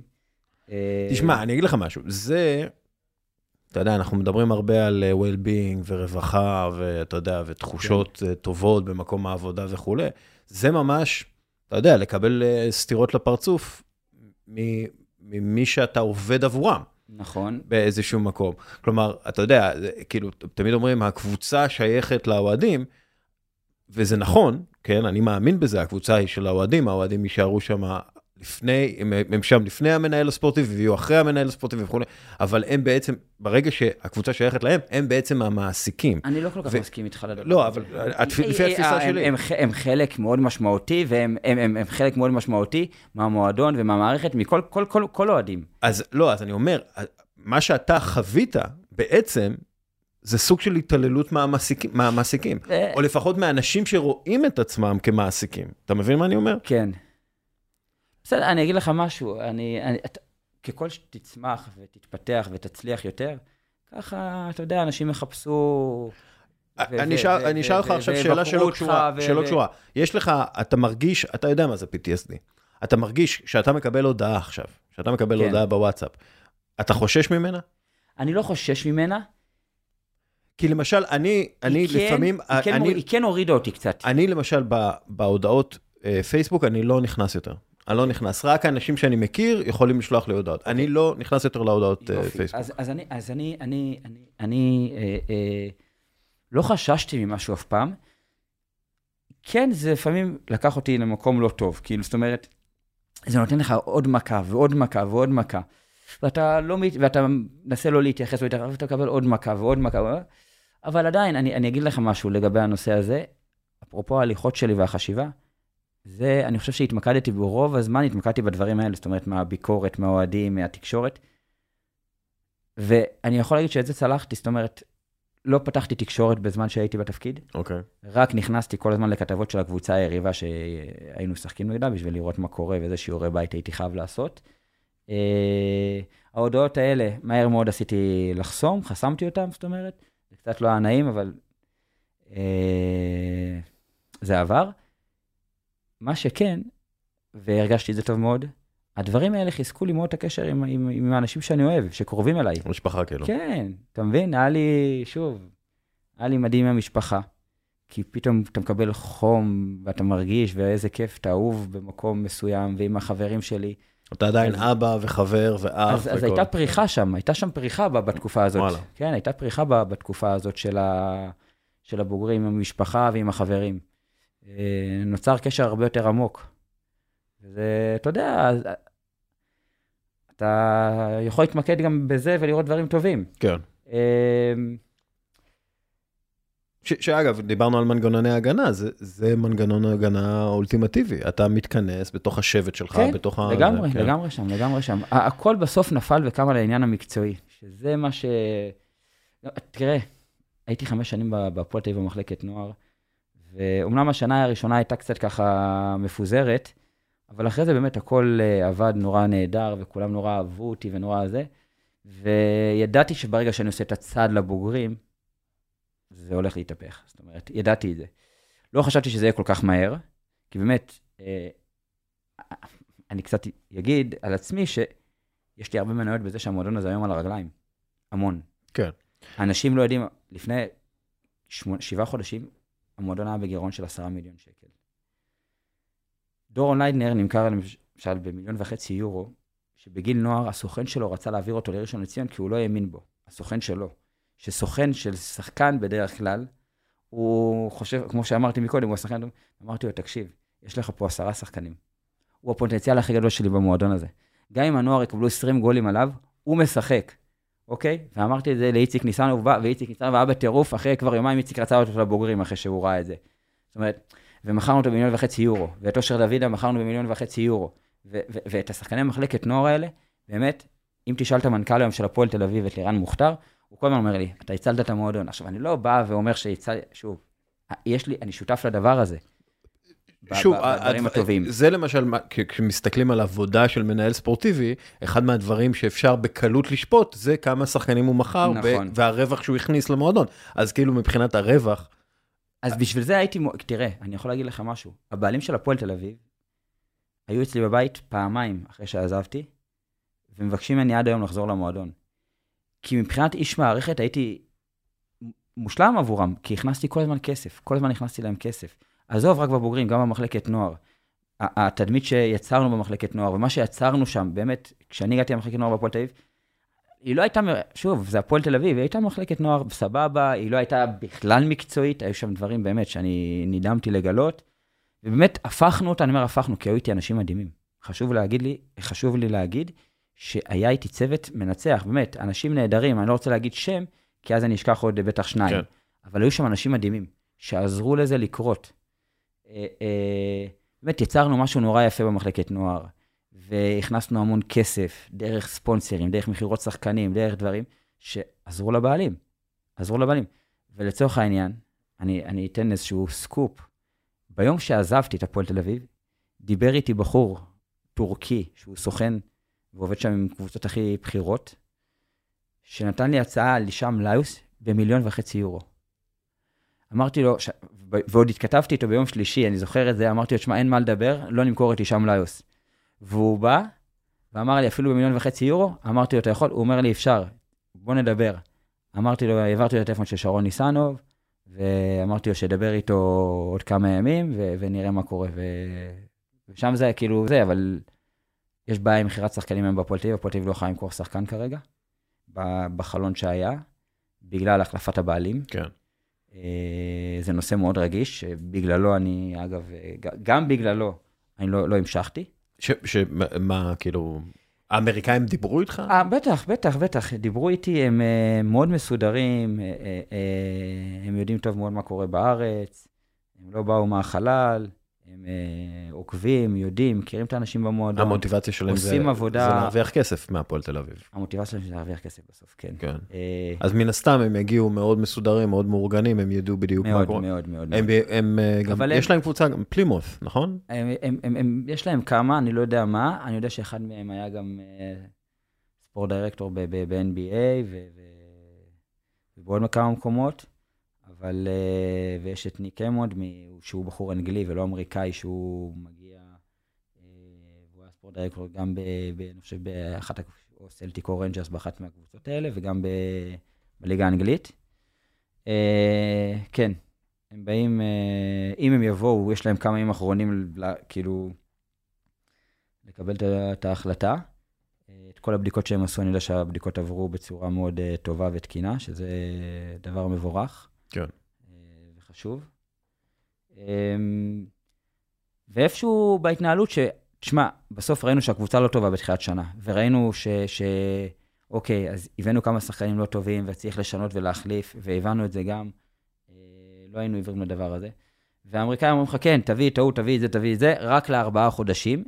מצד שני, אה, אה, הבוסים היום אומרים לך, תשמע, אתה לא יכול להביא שום שחקן, אנחנו לא רוצים, כי כל עשר אגורות שיוצא עכשיו זה מהכיס שלנו, אנחנו בעוד חודש לא נהיה פה, אין לנו סיבה לתת כסף, אנחנו לא נביא כסף, תשחרר כסף, זה, עכשיו, אם אתה צריך לשחרר שחקן בינואר, אתה נותן לו איזה שתי משכורות פיצוי, זה, אז בסוף נשאר לך שתי משכורות. אז מה שאומר זה שאתה יכול להביא שחקן, למשל אם שחקן הרוויח, אני אתן דוגמה, עשרת אלפים דולר בחודש? נתת לו, עכשיו יש לו ארבע משכורות, אתה נותן לו פיצוי של 15 אלף דולר, הוא עזב, אז נשאר לך 25 אלף דולר אה, אה, לתת לשחקן עכשיו לארבעה חודשים. אז אתה עוד פעם מביא שחקנים שהם לא בסדר גודל של 20 הפועל תל אביב. You pay peanuts, you get monkeys. בדיוק, אתה כן. מבין? אז, את הדבר הזה לא רציתי.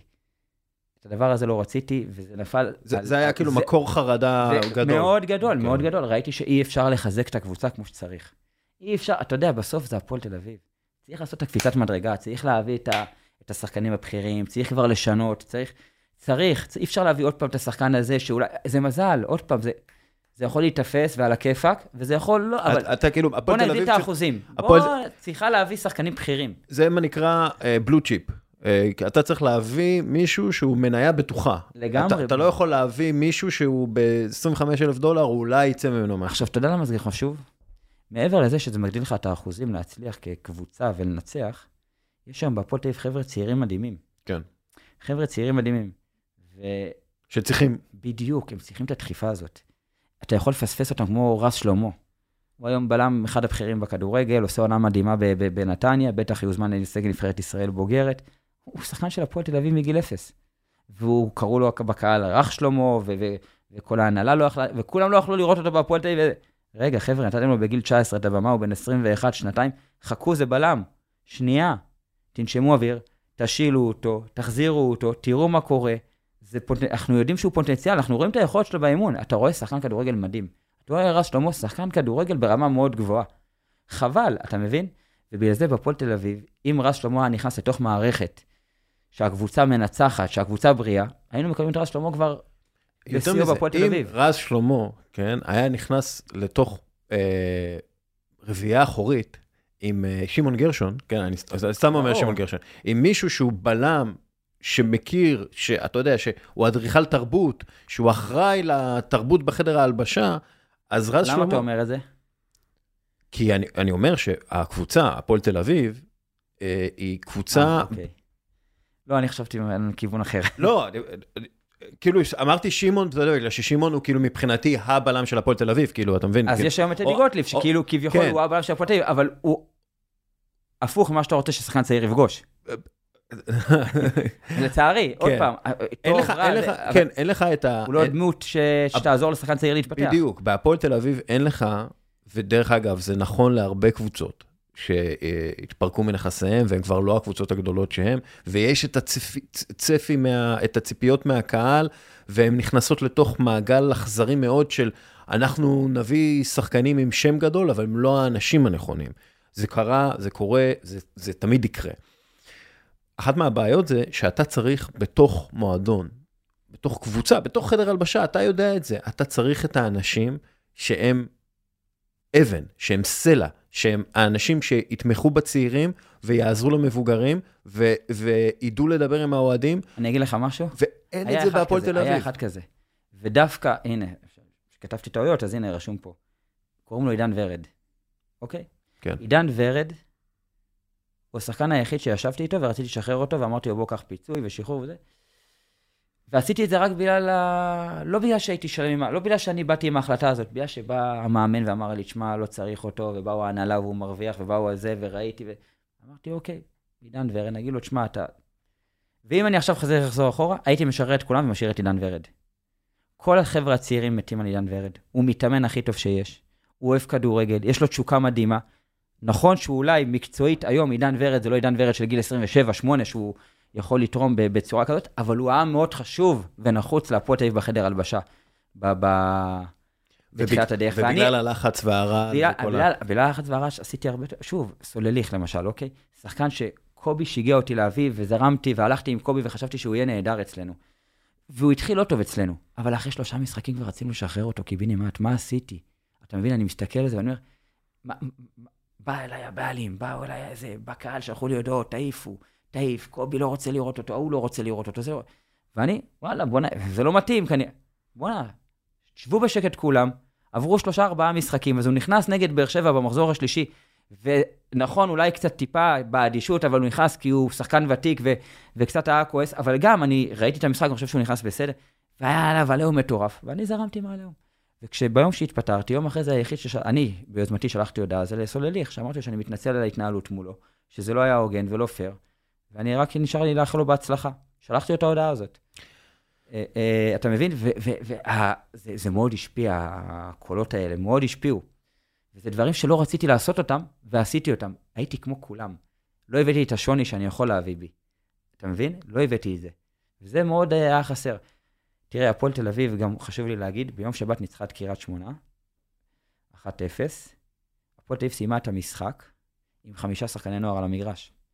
באחד המשחקים הכי חשובים שלה השנה, כי אם היא מפסידה לקריית שמונה, היא מסתבכת מאוד בתחתית, היא הולכת למאבקי תחתית עד הסוף, והיא אפילו הייתה יורדת מתחת לקו האדום, בסיטואציה מסוימת באותו מחזור, ובסוף, ה-20 דקות האחרונות היו חמישה שחקני נוער על המגרש. עומר סניור, סתיו למקין, אור ישראלוב, רן בנימין ואליאם קצנפונסקי. זה חמישה שחקני נוער שהם גיל נוער שנה שעברה, שכל החמישה השנה, אגב, יכולים לשחק בנוער, חריגים או, או גיל נוער, אור ישראלוב ורן בנימין עוד שייכים לנוער, הם יכולים להיות גם שנה הבאה כחריגים. ואין את זה בכדורגל אצלנו, אין את זה בשום מועדון, אין את זה בשום קבוצה בליגת על, שיש חמישה ילדים כאלה צעירים משחקים. בשביל זה צריך את השחקנים היותר טובים שיעזרו להם להביא להפועל תל אביב. את המבוגרים האחראים, כאילו. לגמרי, צריך את השחקנים ש... שהקבוצה תהיה חזקה, ואז, אתה יודע מה, שניים מהם ישתלבו, עוד שניים, שלושה יהיו בספסל, קצת זה, ואתה תקבל שחקנים הרבה יותר טובים. כן, זה מזכיר לי ש... אתה יודע, דיברו על ארסן ונגר בארסנל וכולי, אז אמרו, המזל הגדול שלו, כאילו תמיד דיברו על זה שאיזה מזל שארסן ונגר הגיע לארסנל, אבל הרבה אומרים, במיוחד עכשיו, אחרי שראו, אתה יודע, מה קרה לו ואיך בעצם הוא הידרדר כמאמן וכאיש אה, מקצוע וכולי, הרבה אמרו, המזל הגדול שלו, שהוא נכנס למועדון עם טוני אדמס וסטיב בולד ולי דיקסון ונייג'ל ווינטרבורן, כי הם אלו שהחזיקו את המועדון, הם אלו שלימדו את אשלי קול איך לעשות הגנה, הם אלו שעזרו לפטריק ויארה להיות המנהיג שהוא, הם אלו שאתה, כי, כי בסופו של דבר, כמה שאתה מנהל ספורטיבי טוב, וכמה שאתה מאמן טוב וכולי, בסופו של דבר זה הכל שחקנים. זה, זה, השחקנים הם אלה על המגרש, הם יקבעו אם אתה עושה את העבודה טובה, או אם העבודה שלך שאתה עושה היא טובה, או העבודה גרועה. זהו. זה, זה הכל החדר ההלבשה. מאה אחוז. מאה אחוז. אה, בוא נדבר שנייה על החזון שלך. כי אנחנו, אתה יודע, הגענו ל, ל, למיץ של הזבל כבר, כאילו, כן. אבל בוא נדבר על החזון. מה רצית שיהיה? אני מתאר לעצמי שלא שאלו אותך יותר מדי את זה. אני רוצה לדעת מה באידיאל, מה, מה רצית שיהיה. רציתי לשלב את הצעירים בקבוצה מנצחת. רציתי להגיע, ידעתי שהתקציב הוא לא יהיה תחרות עם מכבי חיפה, מכבי תל אביב, אנחנו רחוקים מאוד מזה. אנחנו אפילו פספסנו שחקנים שישבתי עם טלב טוואטחה בתחילת שנה, והוא העדיף סכנין, כי הייתה הצעה יותר גבוהה, או אליאל פרץ שלח להפועל חיפה. בסוף, אתה יודע, היינו מוגבלים תקציבית, לא יכולנו להציע כסף, והפסדנו שחקנים לקבוצות שהם, אה, אה, אה, מועדונים שהם פחות מהפועל תל אביב. אבל כן, האמנתי וחשבתי שאפשר לקחת את הקבוצה למקום הרבה יותר נעים וטוב, שזה פלייאוף עליון בהתחלה, ומשם לאט לאט למצוא מקום של קבע ברביעייה הראשונה, אה, בטח למקום רביעי, שזה היעד שלי היה מבחינתי, ולשלב את הילדים האלה מהנוער לתוך הדבר הזה, ולגרום בזהות למועדון עם החבר'ה הצעירים האלה, ש- שייהנו. שהאוהדים ייהנו בסוף, כי, שוב, להפועל תל אביב יש קהל מדהים, אה, מאוד נאמן. אה, קשה לדבר על קהל כ... כמי, אתה יודע, זה כמקשה אחת, כן, זה לא מקשה. אחת, כן. אה, המון דעות והמון אה, זה, אבל בגדול, אה, הקהל מאוד נאמן, מאוד טוב. אני, היה לי חיבור מאוד גדול לכל הדבר הזה, קהל, מועדון, הכל. לצערי אני כבר לא שם, אבל בסדר, זה עולם הכדורגל. זה החיים שלנו, זאת אומרת, אני נולדתי לתוך הדבר הזה. וכשהאמריקאים הגיעו, הם, הם שאלו אותך לגבי זה, או שהם מבחינתם היית מישהו שמחליפים כחלק מ... הם לא היו מחליפים אולי בהתחלה, אבל תראה, ברגע שהם לא אפשרו לי בינואר להביא שחקן לשנה וחצי, ברגע שהם לא באו ועשו משהו בינואר, הרגשתי. הרגשתי שם איזשהו, גם, אני אגיד לך משהו עוד יותר, מעבר לשחקנים, היה לנו משחק עם הפועל חיפה, שממש ישבו איתי, הם העלו את ניק אמונד לשיחת זום, ועברו איתי על הגולים שקיבלנו. זאת אומרת, כבר הרגשתי את הביקורת, הרגשתי את התלונות, הרגשתי שיש משהו לא... בדיבורים הם בהתחלה, ובועז תושב היה לו נורא חשוב כל הזמן להתקשר אליי כל שלוש דקות ולהגיד לי, הכל יהיה בסדר, הכל יהיה בסדר, הבנתי שמשהו לא בסדר. כן. ברגע שהוא מתקשר כל שלוש דקות ואומר לי, תשמע, הכל יהיה בסדר, הכל יהיה בסדר, הוא מבחינתו, שוב, הוא חלק, בועז הוא אוהד הפועל תל אביב. בועז אוהד הפועל תל אביב, ובועז אוהב מאוד את הפועל תל אביב, מאוד אוהד, אוהב את הפועל תל אביב, והוא באמת רוצה רק טוב להפועל תל אביב, אבל היה לו מאוד קשה להיות ב... בתפקיד הזה של נציג בעלים. אה, הוא רצה להיות ב-4-5, לבוא, לעודד, לצעוק, לקלל, לשיר, ליהנות, לחייך, לבכות, כל הדבר הזה שמתלווה לאוהד. והוא לא יכל לעשות את זה, כי גם עליו היה המון ביקורת כבר, אה, למרות שפחות מהניסנובים, אבל כבר היה עליו ביקורת, והוא רק רצה לשחרר. הוא רק רוצה לשחרר את הדבר הזה. אה, וזהו, והוא רצה ככה לעטוף את כל הדבר הזה, שכולם יהיו בסדר, רק תנו לי לברוח מפה, בואו קחו את הקבוצה ו- ויאללה.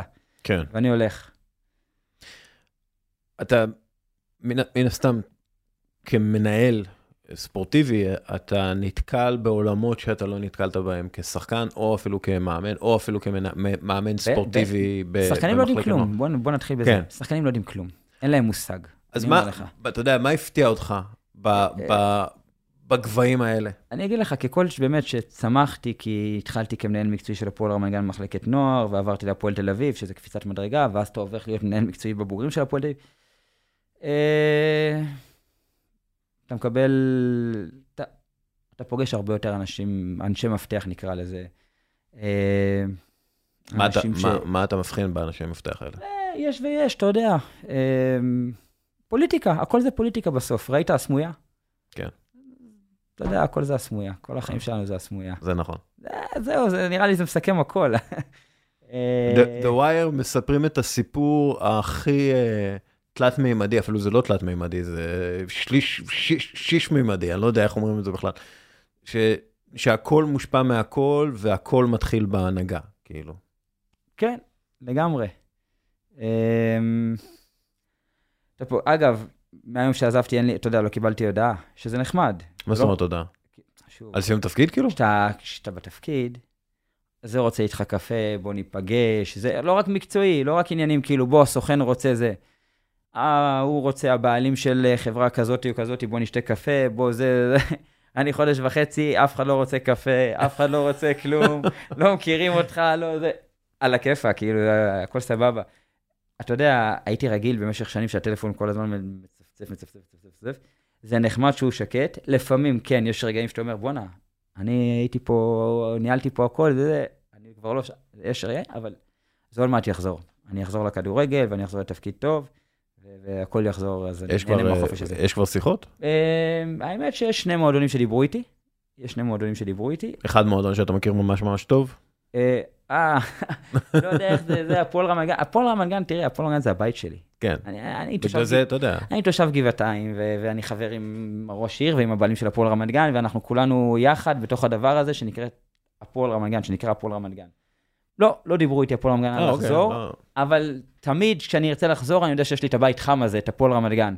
אתה מבין? אבל uh, כמו שהייתי שחקן בגיל 20 ועזבתי למכבי חיפה, ואז רציתי לעשות קריירה בליגת העל והפועל רמת הייתה בליגה לאומית, אז המשכתי לטייל בליגה, בליגת העל, גם היום אני עדיין בחור צעיר שרוצה עדיין להמשיך לחוות את עולם הכדורגל במקום קצת אחר. אתה עדיין. רואה את עצמך כבחור צעיר? אה, בטח, לגמרי. מאוד, מה. כן, מה, גיל 40, אתה יודע, אני... גם... האמת שאני לא מרגיש צעיר, אבל אני... אני, אתה יודע, יש... אה, אני רואה את עצמי כבחור בסרטים צעיר. זה הרבה פעמים קורה, יש אה, רגעי הארה, שהגיבור פתאום מבין את, ה, את גודל הבעיה, את גודל, ה, את גודל הקונפליקט, את, ה, את העוצמה של מה שהוא עומד מולו. אך, בסרטי אסונות, אתה יודע, אם יש צונאמי, אז כאילו רואים את הפרצוף כן. של הזה, ורואים את הצונאמי, ואז הוא מבין בעיניים, אוקיי, זאת הבעיה, זהו, אנחנו, איך אנחנו פותרים את זה, אם בכלל, כן? היה לך רגע כזה? שאתה, מסת... שאתה כאילו אומר, אה, אוקיי, זה צונאמי, אין לי... היו כמה. כן, אוקיי, היו ספר כמה. לי על רגע כזה. היו כמה. אמ, ככל שאתה מכין את עצמך לזה, ואתה עובד על עצמך וזה, אתה עדיין לא מוכן ל... תראה, אם היום אני הייתי מסיים שנתיים בהפועל תל אביב... ספר לי על לך- הרגע, על הרגע. קח אותי לרגע שאתה עומד מול גל צונאמי, ואומר, אה, oh fuck. היה לי פעמיים של התפרקות. אוקיי. היה לי פעמיים של התפרקות, כבר אני נפתח אז אני עד הסוף. אה, היה לי פעמיים של התפרקות, התפרקות זה שנכנסתי, סגרתי את הדלת לבד ופשוט התפרקתי. אה, כאילו בכי. כן, אתה יודע, כאילו, הוצאתי הכל, אה, אבל אה, מתי זה קרה? אה, זה היה אחרי המשחק עם סכנין, הראשון, בבית, שהפסדנו 2-0. עברתי לילה מאוד קשה ש... שהתפרקתי. ו- ושם אתה לבד, לגמרי. ב- כן, אתה לבד, שוב, אתה גם לא רוצה להיות עם מישהו, אני חושב באותו רגע אתה... אתה צריך, תראה, בתפקיד הזה אתה צריך מאוד חשוב לשמור על פאסון ועל, אה, אתה יודע, אתה... בכל זאת, אתה, אתה המנהל, אתה פה... אבל כולנו יש לנו, אתה יודע, רגשות, וכולנו בני אדם בסוף. אה, אבל אני לא חושב ש... אני אגיד לך, אני לא חושב שמישהו ראה את זה או הרגיש את זה. היום המון חברים אומרים לי, תשמע, בחודש האחרון, אתה החיוך לא יורד מהפנים שלך, תראה איך אתה מאושר, תראה, לא היית ככה, היית כמו... אני לא הרגשתי את זה, אוקיי? לא הרגשתי את זה. אני לא חושב שנתתי לאנשים להרגיש אם אני עובר משהו כזה או אחר. היה לי גם חשוב מאוד להגיע אחרי כל הפסד או אחרי כל... במועדון הכל דרמטי. הכל דרמטי, סתם דברים קטנים שקורים במועדון דרמטי, ואתה בא וכולם על זה, ווואו, בואנה, יצא שאנחנו רוצים עכשיו את... אה, שמעון אבוחצירא, לא יודע, את, אה, לא יודע, את שלומי ארבטמן, הפועל תל אביב רוצה, ואיך זה יצא, ממי זה... אני, יש דרמה בתוך המועדון, כאילו, ת... חבר'ה, תנשמו אוויר, הכל בסדר. אז בסדר, אז ההוא דיב... הכל טוב, חבר'ה, זה לא, לא יהרוס לנו, תנשמו אוויר, הכל בסדר. מפסידים לסכנין, עברתי לילה קשה התפרקות, הייתי הראשון להגיע, באתי לשחקנים, מה קורה, תראה, הכל טוב, חבר'ה, מחזור שני, איפה אתם? אה, עכשיו, אני לא ישנתי כל הלילה וזה, הכל בסדר, חבר'ה, אני בא לצוות, חיוך, מה להביא, אתה רוצה לאכול משהו, בוא, וזה, זה. נתתי, אתה יודע, מבחינת ההרגשה, את התחושה, היה לי מאוד חשוב. ידעתי שאני נכנס לתוך המועדון, הופ, שאתה מבין משהו אחר, שאתה אתה המנהל, עליך מסתכלים. כי ברגע שאתה קצת מראה חולשה, זה, זה מחלחל. היה לי, אגב, חולשה בדברים אחרים. לא צונאמי, אבל, זאת אומרת, כן, נפלתי מול השחקנים הבכירים בהפועל תל אביב. באיזה מובן? אה, שאני חושב שההתנהלות שלי לא הייתה נכונה מולם. אה, יש את מקרה די גוטליב המפורסם, שהיה לי ריב איתו, אבל אה, אני חושב שמול כל החבר'ה האלה לא ניהלתי את עצמי בצורה נכונה. הייתי איתם כנה בהתחלה, וזה לא היה נכון, ולא הייתי צריך לנהוג ככה. ניתן דוגמה. כן. כשישבתי עם דן אייבינדר, במה שנגמרה העונה, וכאילו, הוא נסע לחופשה, אז אמרתי לו, שמע, דן, אה, אה, היום אתה הפרצוף של הפועל תל אביב, אתה הקפטן שלנו, אני גם, אתה יודע, אתה תהיה הקפטן שלנו, אנחנו מאוד אוהבים אותך, מאוד מעריכים אותך. יחד עם זאת, יכול להיות שיהיו משחקים שתהיה על הספסל. ודווקא כשתהיה על הספסל, אני אצטרך אותך. והוא הסיק מזה שאני פחות רוצה אותו, וכבר היה לו איתי, כאילו, איך, איך, אני לא בא ואומר לו עכשיו שהוא ועוד 30, הוא, הוא מראה לי באינסטאט את הכמות אה, משחקים שהוא שיחק, ושהוא לא נפצע, ושהוא הבקיע שערים. ו, כאילו הוא נכנס למגננה. ממש, והוא כאילו, ועכשיו אני, אתה יודע, כי היה משחק שנה לפני זה, לפני שהגעתי לבוגרים, וכבר ידעתי שאני בבוגרים, היה משחק לבוגרים נגד הפועל תל אביב, נגד מכבי נתניה, משחק, שני משחקים לסיום העונה או שלושה, אל תתפוס אותי במילה, שאם הפועל תל אביב מנצחים את מכבי נתניה, מגיעים לאירופה. בסוף העונה הקודמת. והחליטו שדן אייבינדר לא יפתח בהרכב.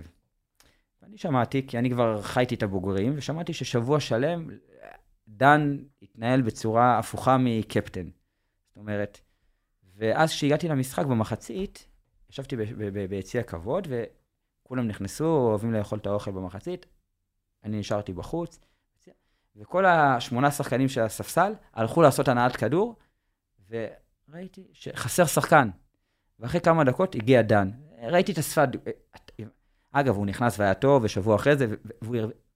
אבל ברגע שאני אמרתי לו את הדבר הזה, פספסתי את דן אייבינדר.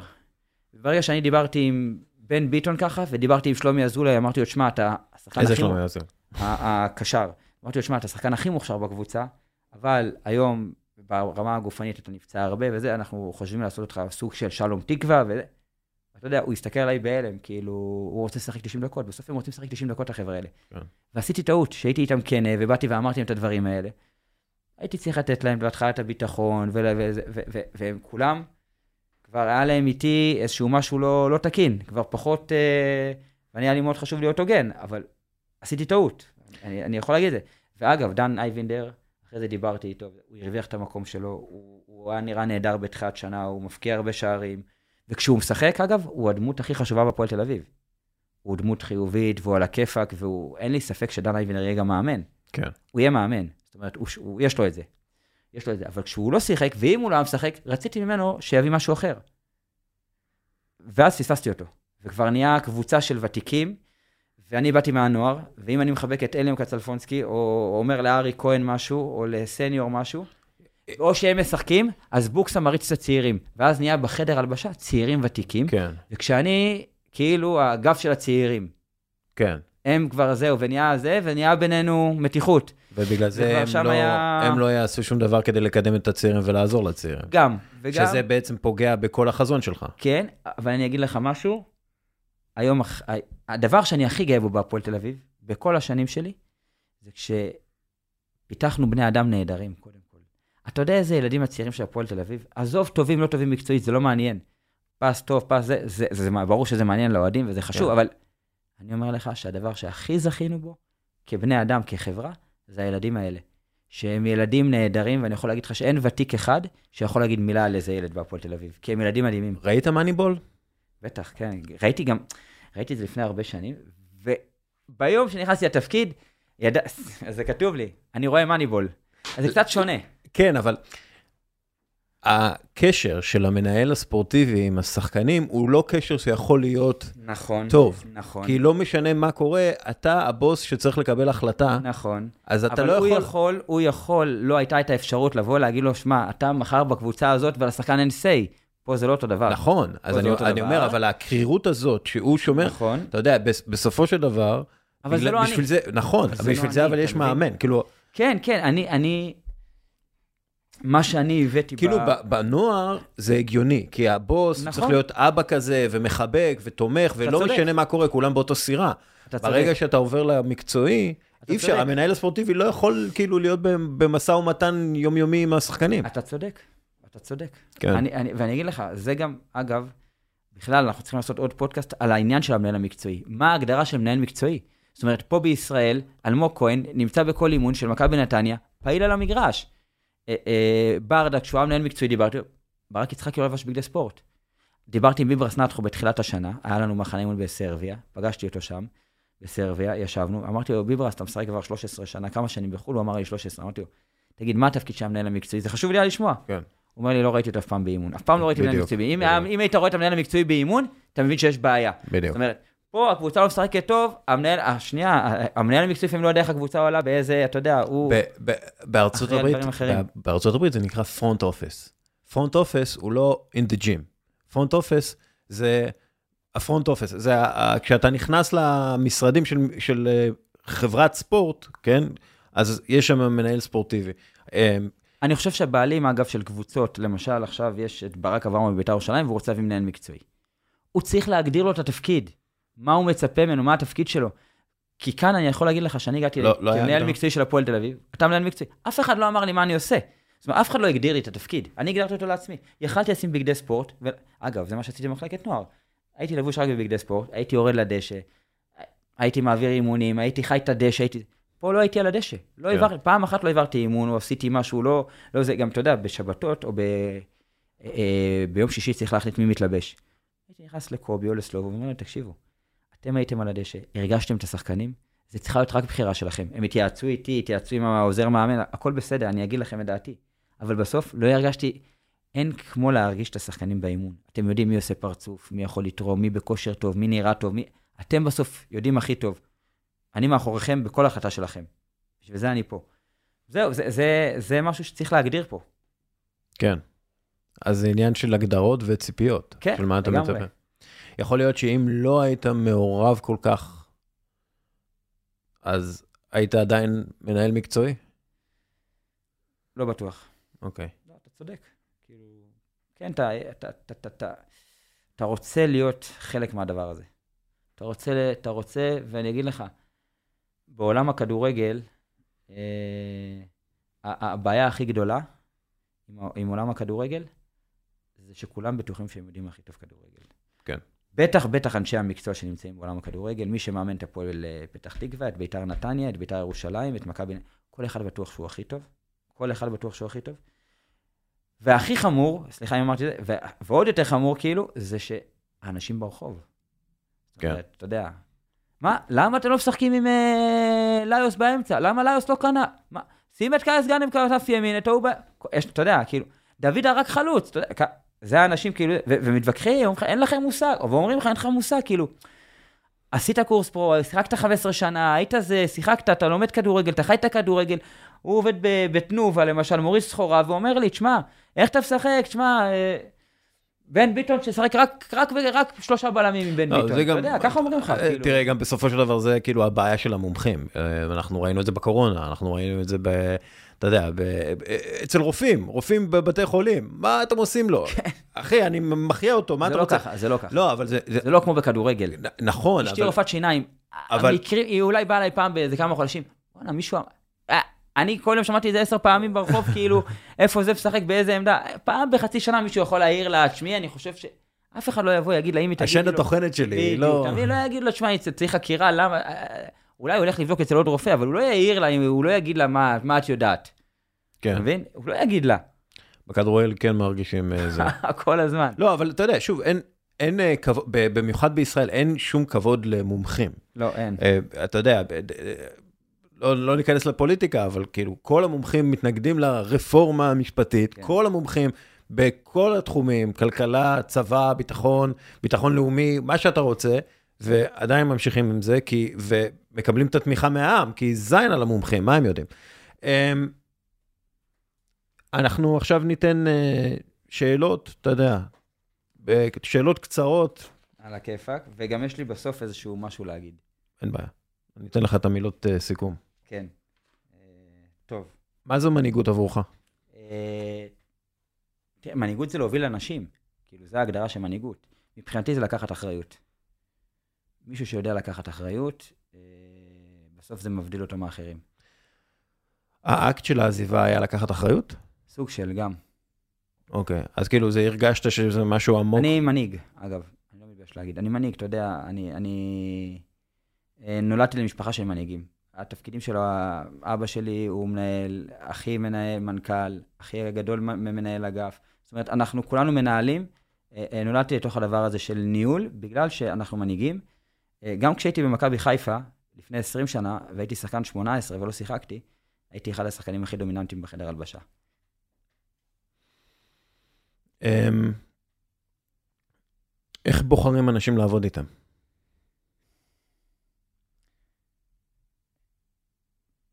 אתה חייב ללכת על בטוח. אתה חייב ללכת על בטוח, להביא את האנשים שלך. אנשים שאתה מאמין בהם, שמדברים בשפה שלך, ושיהיו אנשים טובים. אמ, איך אתה יודע שהם אנשים טובים? אתה מכיר אותם, אנשים שלך. אוקיי, איך? אנשים שלך. אני, כשהבאתי את מיכאל זנדברג לנוער של הפועל תל אביב, הייתי רגוע. היה לי קשה לשכנע אותו להביא אותו, אבל כשהבאתי אותו הייתי רגוע, כי ידעתי מה מיכאל זנדברג יכול להביא אה, אה, לשחקני מחלקת נוער בהפועל תל אביב, גם ברמה המקצועית, ובטח ובטח ברמה האנושית. הדוגמה האישית היא הדוגמה הכי טובה, אתה יודע. ומיכאל זנדברג זו דוגמה קלאסית לזה שאתה מביא את מיכאל ואני רגוע. אם היום אני חוזר אחורה, מיכאל זנדברג היה מאמן את הבוגרים של הפועל תל אביב. כן. לא הייתי, לא הייתי, כאילו, הייתי הולך עד הסוף עם הדבר הזה, מה שלא עשיתי אז, שבאתי קצת בפחד. איך יודעים שעושים עבודה גרועה? קל להגיד תוצאות, כאילו זאת אומרת תוצאות שהן לא זה. אה, אבל זה מבחן התוצאה. אה, אני מאוד ביקורתי. גם, אתה יודע, בכל רעיון שלי אני תמיד אומר, הטעויות שלי, לא תראה, אני גם עשיתי הרבה דברים טובים. גם עכשיו בבוגרים, בקדנציה שלי בבוגרים בהפועל תל אביב בחצי שנה הזאת, עשיתי הרבה דברים טובים. אני לא חושב שהפועל תל אביב שנים מעליהם חלוצים כמו קייס גאנם ואלן אושבוט, שחקן כמו הישאם ליוס. אז כן, נפלנו גם עם שחקנים, זה נכון. לא, לא, לא צירפנו כל כך הרבה שחקנים, כאילו, אה, עלו מהנוער כל כך הרבה. עשיתי הרבה גם דברים טובים, בטח למערכת, אה, הגדלת חדר כושר שלא מדברים, ודברים שזה, אבל זה פחות. בסוף זה תוצאות כנראה. אני לא רוצה להגיד תוצאות, אבל זה כנראה תוצאות בסוף. אבל זה לא אורך זמן צריך, שוב. כנראה, אני ביקורתי, אני, אני ביקורתי, ואני תמיד מרגיש שאני לא עושה עבודה מספיק טובה. תראה, אני מאמין ש... אני מרגיש תמיד שאני לא עושה עבודה מספיק טובה. בשביל זה אמרתי את הדברים הטובים, כי... כן. כי תמיד אני אומר את הדברים, תשמע, טעיתי פה, טעיתי פה, תמיד אני אומר עליי... כאילו אתה מחפש להרים, כאילו... גם, לא, גם, גם בקריירה שלי, תמיד אמרתי, הייתי שחקן, תשמע, לא הייתי מספיק טוב, עשיתי את המקסימום ש... תמיד אני מאוד ביקורתי כלפי עצמי, תמיד אני זה. ו- וגם עכשיו אני לא חושב שעשיתי עבודה מספיק טובה. אוקיי? וגם בנוער, שהכל הצליח וזה, יכלתי לעשות הרבה יותר טוב. אני תמיד מרגיש שאני יכול לעשות יותר טוב. גם כשטוב, אני מרגיש שאני יכול לעשות יותר טוב. זה פחות או יותר התשובה, אני לא יודע אם אני הצלחתי. לא, זה בסדר. דברים שאתה לא מוכן להתפשר עליהם. עצלנות. אוקיי. עצלנות, אני משתגע מעצלנות. אנשים שעצלנים, אני לא, לא מוכן לעבוד איתם. אין לי בעיה שתיתן, אין לי בעיה שזה... היו עצלנים בחדר הלבשה? קודם כל, תהיה חרוץ. היו עצלנים בחדר... תרצה להצליח. בחדר הלבשה. אין כמו, כאילו, זה, כן. זה, זה מה שמניע אותי בחיים. כן. אבל היה, היה עצלנים בחדר הלבשה? היו, היו עצלנים בחדר הלבשה, בכל חדר הלבשה יש חבר'ה עצלנים, אבל היו אנשים עצלנים במערכת, היו בודדים. שאם הייתי ממשיך עוד קצת, כנראה לא היו ממשיכים במערכת. כן. מה מקור המוטיבציה שלך? לשמח אנשים. כן? כן, לשמח אנשים זה... כלומר, אתה פליזר ב... אני, בכל דבר שאני, אני, אני מאוד אוהב לשמח אנשים. אפילו, כאילו, לא רק בעבודה או אנשים זה, גם בבית. זאת אומרת, יש לי כל הזמן מוטיבציה שהבנות שלי... למה אתה רוצה ש... לשמח אנשים? זה, זה הדבר שהכי מספק אותי. אוקיי. Okay. אני מתנדב, התנדבתי בהרבה מקומות, עשיתי הרבה דברים. למה זה הדבר שהכי מספק אותך? כי זה גורם לי, אם אני גרמתי לבן אדם אחר... אה, אה, אה, להיות יותר טוב, להיות מאושר, להיות מרוצה, זה, זה סיפוק גדול. אין, אין, אין כמו לתת, לעזור, זה, זה התכונה, אני חושב שהיא הכי חשובה, זאת אומרת. אתה יודע שזה פתולוגי גם. כלומר, אתה יודע שזה גם סוג של... יש לזה סיבה איפשהו, כן. באיך שגדלת, ב... באיך שהתפתחת, ב... ביחס עם ההורים. כלומר, אתה יודע, אם אנחנו כאילו מדברים על אה, טיפול פסיכולוגי, אז כן. בדרך כלל כאילו אני... חופרים עד לשם. יש לי חבר שהוא פסיכולוג, שיש לי איתו הרבה שיחות לאחרונה. אה, גם הוא עבר לגור לידי, אז אני אבדוק את זה איתו קצת. תבדוק, תבדוק. הוא בטוח ישמע את הפודקאסט, כי הוא שומע את זה קבוע. דש, שאוט אאוט לחבר. איתמר, איתמר. איתמר, שאוט אאוט לאיתמר. מה החרטה הכי גדולה שלך? לא בהכרח בהפועל, בכלל. אז זהו, אז אני צריך להגיד שבגיל 32 פרשתי מכדורגל, והרגשתי שנולדתי מחדש. ומאז אין לי שום חרטה על שום דבר, כי הרגשתי שהתבגרתי ואני בן אדם אחר. Uh, לפני זה, שוב, אולי. כשהייתי ילד צעיר וזה, אבל אין, אין לי חרטות. אני שלם עם כל, עם כל החלטה שאני לוקח, אני שלם. אם אני טועה ואם אני, לא יודע, נכשל, אה, אני עדיין בסדר עם ההחלטה. אוקיי. Okay. אני יכול לכעוס קצת. אין לך רגעים של, אתה יודע... אני הכל לומד, מהכל לומד. אין לך רגעים של קרינג' עצמי כזה שאתה עושה, אה, לא הייתי צריך את זה. לא עשיתי. לכל אחד יש. יש, אבל אני אגיד לך מה, אני לא רוצה להגיע למקום הזה. זה, לא, זה קל להגיע למקום הזה, אני לא רוצה, די, קח אחריות, לקיחת אחריות, קח אחריות על החיים שלך, קח אחריות, הימרת, אה, אה, הפסדת כסף, תשלם, תדע לעמוד בזה. אה, בגדת, תדע לשאת בתוצאות. שיקרת, תדע לשאת בתוצאות. אה, הדלפת ותפסו אותך, תדע לשאת בתוצאות. לא יודע משהו, עשית, גנבת, תדע לשאת בתוצאות. אתה צריך לדעת שאם עברת על החוק, אה, אה, עשית משהו לא בסדר, אתה צריך לשאת בתוצאות. אתה, אנחנו אנשים בוגרים, אנשים מבוגרים, שצריכים להבין את המשמעות של החיים. אין חרטה. אין חרטה, תיקחו אחריות על הטעויות שלכם. תדעו מה אתם עושים. תעשו, תחשבו, תנשמו אוויר, תקבלו החלטות, גם אם, אגב, גם אם החלטות לא נכונות, אני תמיד אומר להורים שהתייעצו אותי, אמרתי להם, תקשיבו, הייתי נהייתי כדורגלן, חלק מההחלטות שלי, חלק מההחלטות שלי היו נכונות, חלק היו טעויות. כשאני לקחתי בגיל 20 הפועל רמת גביע המדינה, הייתה לי הצעה ממכבי חיפה ומהפועל תל אביב. עכשיו, אני כבר לחצתי את היד לאנקלה שחר, ואז באו הפועל תל אביב. עכשיו, לחיצת יד זה לא, לא חתמת עוד, יכלתי לשנות את ההחלטה, לא הרגשתי באיזשהו מקום, ופה דרור קשטן פנה אליי, ופה ינקלה שחר, שעוד לא היה לו מעניין, מאמן, ששום בדיוק ברח לאולימפיאקוס, או פטנקוס, פטנקוס, נכון? כן. אז uh, שום ברח, ולא, והלכתי עם מכבי חיפה. יכול להיות שאם הייתי הולך להפועל תל אביב, הקריירה הייתה הולכת אחרת, יכול להיות שהייתי משחק בקבוצה גדולה במועדון, הייתי עושה קריירה אחרת, והכל בסדר, אני שלם עם ההחלטה הזאת.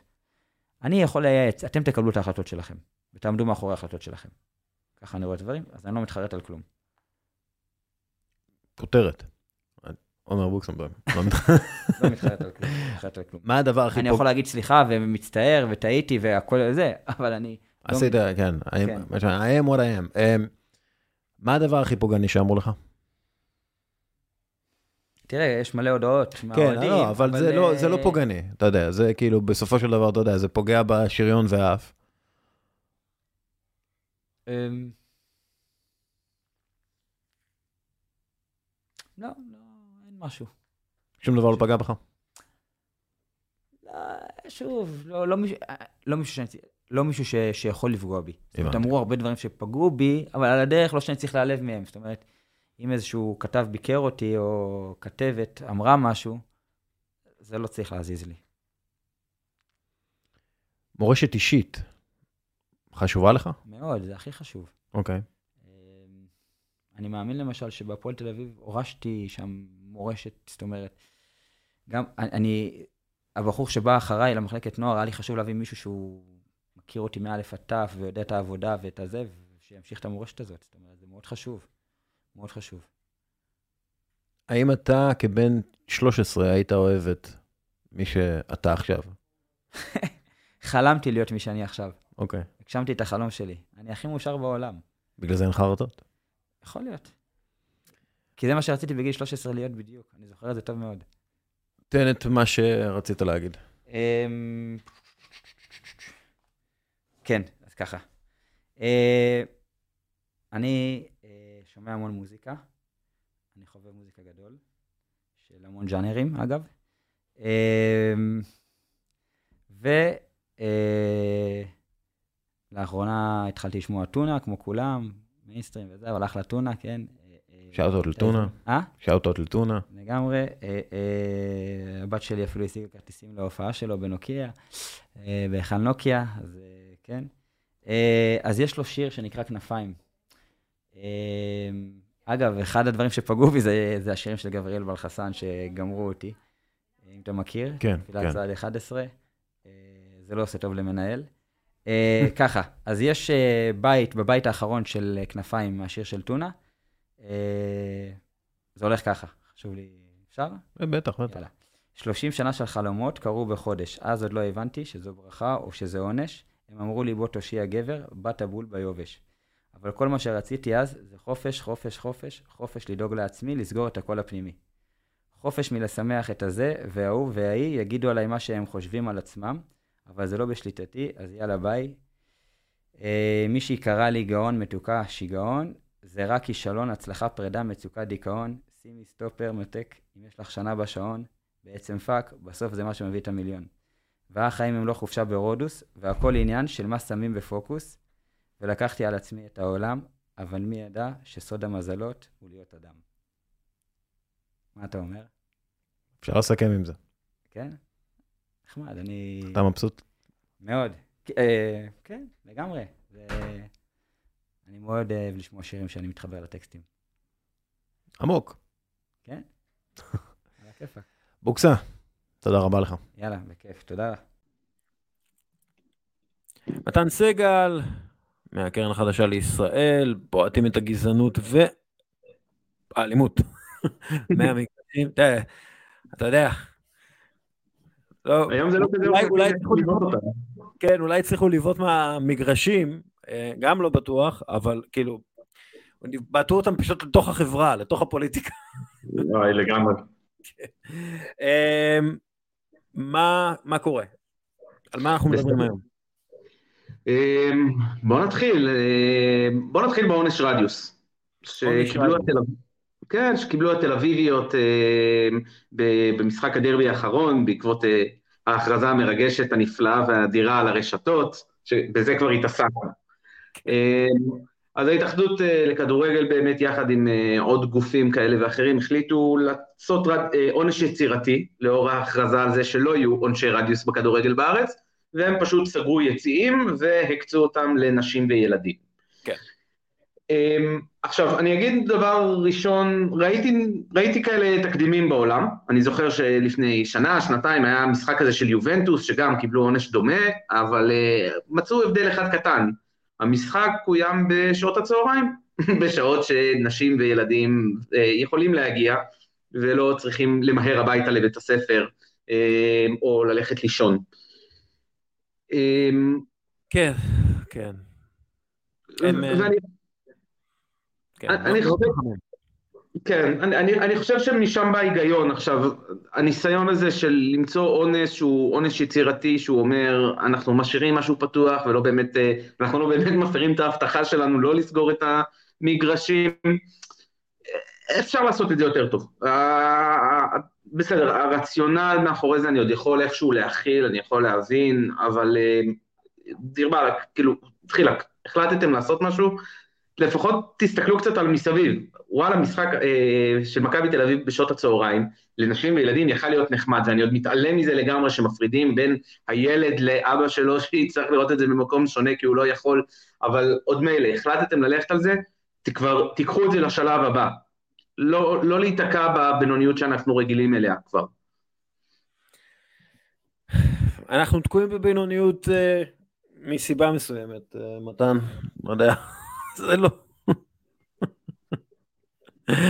אנחנו תקועים בבינוניות כי מי שמוביל את כל העניין הזה הוא איש בינוני, הם אנשים בינוניים. אנשים לא טובים בעבודתם, אני חייב להודות, כאילו באמת אה, נמאס אה, כבר, אתה יודע, להיות מנומס איתם. הם פשוט לא טובים במה שהם עושים. ואם מה שהם עושים זה לנהל ליגה או משמעת, וואטאבר, הם פשוט לא טובים בזה, הם פשוט אנשים לא טובים בזה. זה אחד מהבעיות המרכזיות בתרבות כאן. אה, אנשים לא טובים מקבלים עמדות כוח. אה, בכדורגל בכלל, פשוט זה הסיפור. אה, כן. אפרופו אנשים לא טובים, השבוע התפרסמה התוכנית או ההצהרה שסוף סוף יקדמו את הכדורגל הישראלי, התקבל בכותרות מפוארות ברחבי uh, האינטרנטים הישראלים, אבל מה באמת קיבלנו משינו זוארץ, יושב ראש ההתאחדות לכדורגל? אמ, אני בדיוק חשבתי על זה שהוא מתחיל את הדברים שלו, והגיע הזמן אה, להפסיק להבטיח ולהתחיל לקיים, שזו הבטחה מספר אחת בישראל. כותרות מאוד מאוד יפות, כותרות שחלום שהם יקרו, לא ראינו עוד כלום. יותר מזה, אתה יודע, היה את ההסכם בין ההתאחדות לכדורגל לנשים, נכון? בדיוק. הוא לא נחשף אף פעם, אנחנו לא יודעים מה טיב ההסכם, אנחנו לא יודעים אם בכלל יש הסכם. עד כדי כך המילים אה, לחוד ומעשים לחוד.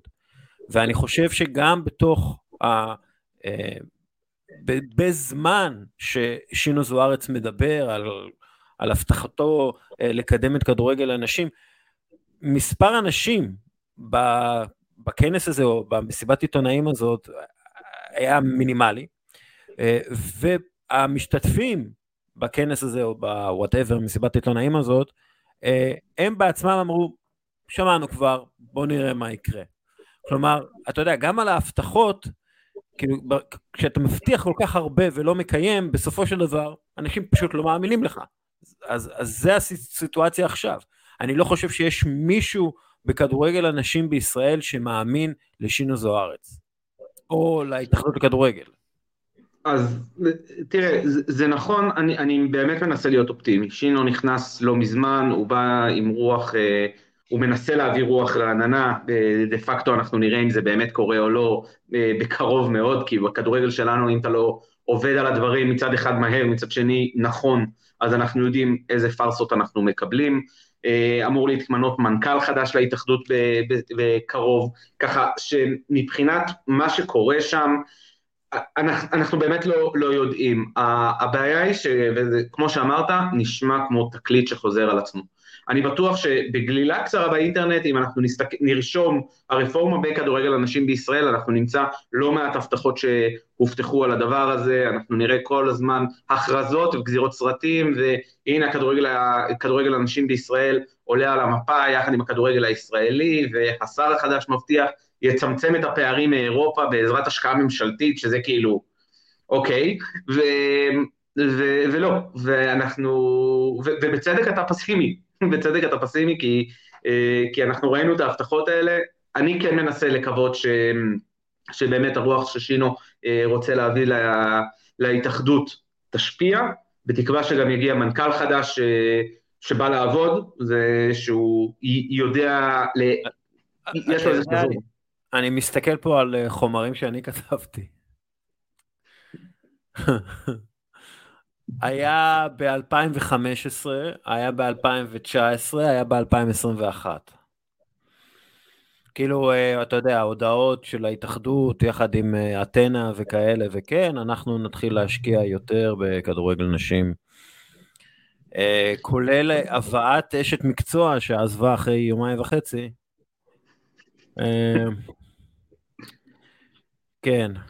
זה. זה, זה ממש שם, באמת, אבל אם אנחנו גם יורדים לפרקטיקות ואמרת על מה כן פורסם, אה, אחד הדברים שלא פורסמו, וזו באמת הבעיה הכי גדולה, זה העניין הזה של מאיפה הכסף.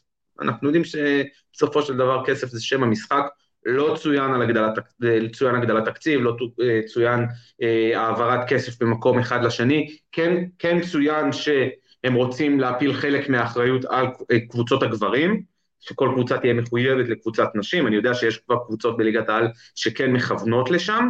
אני יודע שיש קבוצות בליגת העל שאמרו לא וזה לא יקרה ואתם לא תחייבו אותנו והקבוצות האלה הן קבוצות מאוד גדולות, אחת מהן היא קבוצה שלובשת ירוק. אבל, אבל לא נגיד את זה. והיא לא, והיא לא הפועל כפר סבא, את זה אני יודע גם. אמ, כן.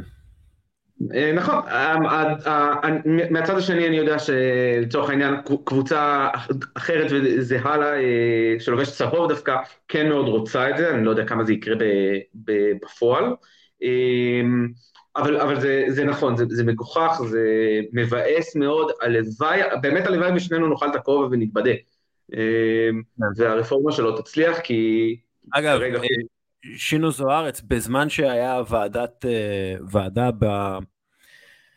ועדה בכנסת על אה, מכירת משחקים בליגת העל ונציגי ההתאחדות היו בזום כי מסתבר שלא דיברו איתם או משהו כזה, שקר כלשהו אנא ערף. אה, שינו זוארץ יצר קשר עם יושב ראש הוועדה או עם מי שקרא אל הוועדה, סיימון דוידסון, ואמר לו, כן, אני כבר קבעתי פגישה עם, המנכ... עם המפכ"ל לגבי זה. אני לא שמעתי על פגישה כזאת שהתקיימה, אני אשמח להתבדות גם בזה. תגידו לי שהייתה פגישה, וששינו זוארץ מתמודד עם הדבר הכי חמור בכדורגל הישראלי, שזה מכירת משחקים בכדורגל הישראלי. אה, מחלה שאנחנו יודעים שהיא מציפה את הליגה הלאומית, ומחלה שאנחנו בטוחים במיליון אחוזים שהגיעה גם לליגת העל.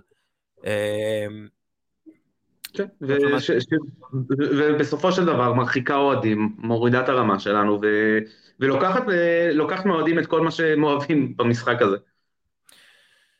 כן, טוב, עוד משהו? מקווה לשבוע רגוע. Mm, לא, לא יקרה. לא יקרה. אה, שיהיה לנו אה, כמה שיותר טוב בזמן הנותר לנו. לגמרי.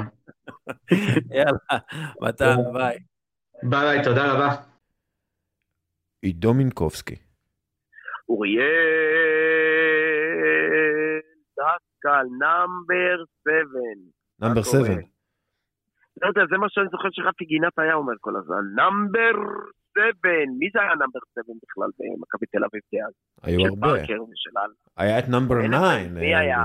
מ' י' ק' י', מיקי ברקוביץ'. כן, אבל אני מדבר על הזמנים שאני לא הייתי זרע, שהייתי כבר עץ אה, מהמם. אקליפטוס מהמם שקראו. היה את מוטי דניאל נראה לי שהוא היה, לא, הוא היה חמש. אה, מי היה מספר שבע? לא, אה, לא, היה חמש. לא, אנפלד היה ארבע. וואלה? כן. מה, הוא עופר טלקר? איזה כדורסלן יש לו מספר ארבע על הגב, תגיד? נדב אנפלד. Yes, my man. כל השיער נפל לכתפיים. מה אה, קורה, דסקל? למיליוני המאזינים, אם אתם זוכרים מי מספר 7 במכבי תל אביב של, אנחנו אפילו לא יודעים איזה עונה. של רפי גינת, לא משנה, של... A number 7, לא the number 7. A number 7 שהוא לא טלבנים. אפרופו 7. כן. אה, יורגן קלופ מגיע לעונה השביעית שלו בליברפול, ונראה שכל האנרגיות... וואו, דסקל, זה היה כמו הרי מק בפרי סטייל בהיפ-הופ, מה שעשית פה, וואו, כן?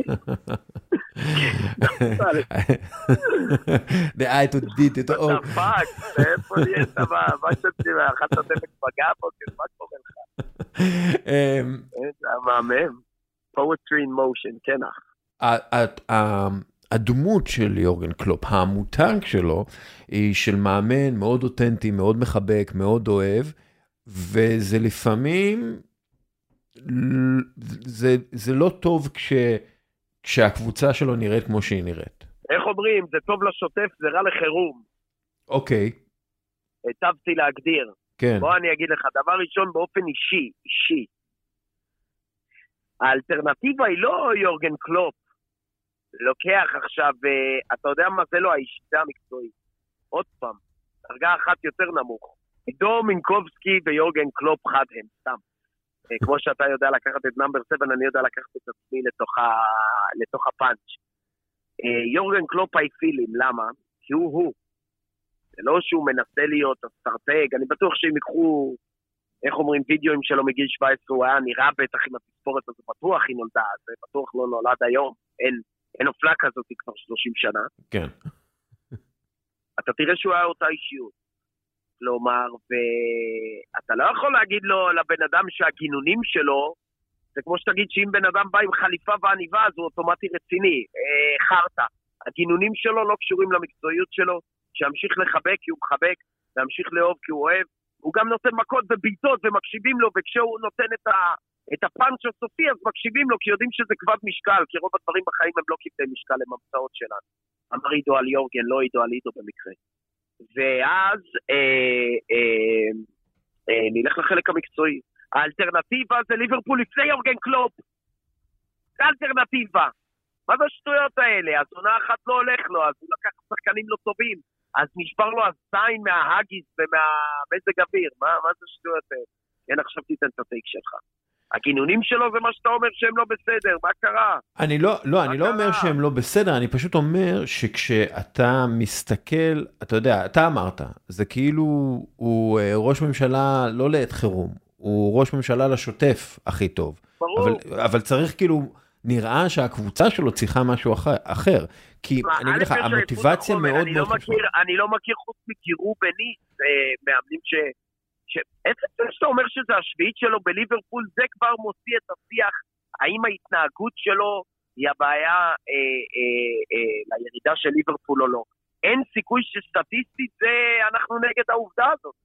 זאת אומרת, אה, שש עונות משבע, ההתנהגות לא, לא פגעה, אז כנראה זה גם לא, שפ... מה לא שפוגע עכשיו. אתה מבין מה, מה אני אומר לך? סטטיסטית, הטיעון הזה הוא סביר פחות מאשר כל הטיעונים האחרים. בחירת שחקנים, עייפות החומר, מזל רע, פוליטיקה בתוך המועדון, גודל תקציבים. שמע, תקשיב, אני פשוט uh, יודע uh, לתאר את המצב חד קטר, שכנעתי את עצמי ב-70% משפט. כן, דבר עליי. Um, כן, אני, אתה יודע, פשוט אם בן אדם ש, שהחלק חשוב מהעבודה שלו היא יצירת מוטיבציה לשחקנים בסדר, אז עד כה הוכח שסטטיסטית עדיף להתנהג כמוהו, אבל אתה חושב שאם הוא יהיה חמור סבר עכשיו, זה יעזור? תקשיב, אה, גינונים מלוכלכים ומעשים נקיים, לא ההפך. אם אני רוצה לעשות משהו, אני עושה אותו, ומעשה הוא מסר טוב, למשל, מוריד מישהו עם חיבוקים ונשיקות לספסל לכל העונה, את סאלח, לא יודע אם הוא עדיין בליגה. אני לא עוקב, סתם. לא, משחק. אז אה, משחק. אם הוא הבעיה, אולי הוא הבעיה, מה שנקרא, אולי לא קלופ, אולי החדר הלבשה זה בעיה, יכול להיות. מה, הבעיה הייתה ב... באיך קוראים לו? ב... בג'ורדי קרויף או באבי נימני? כן. נו מה? מה זה השטויות האלה? דווקא לא מתאים לך להיות אה, עיתונאי מניאק.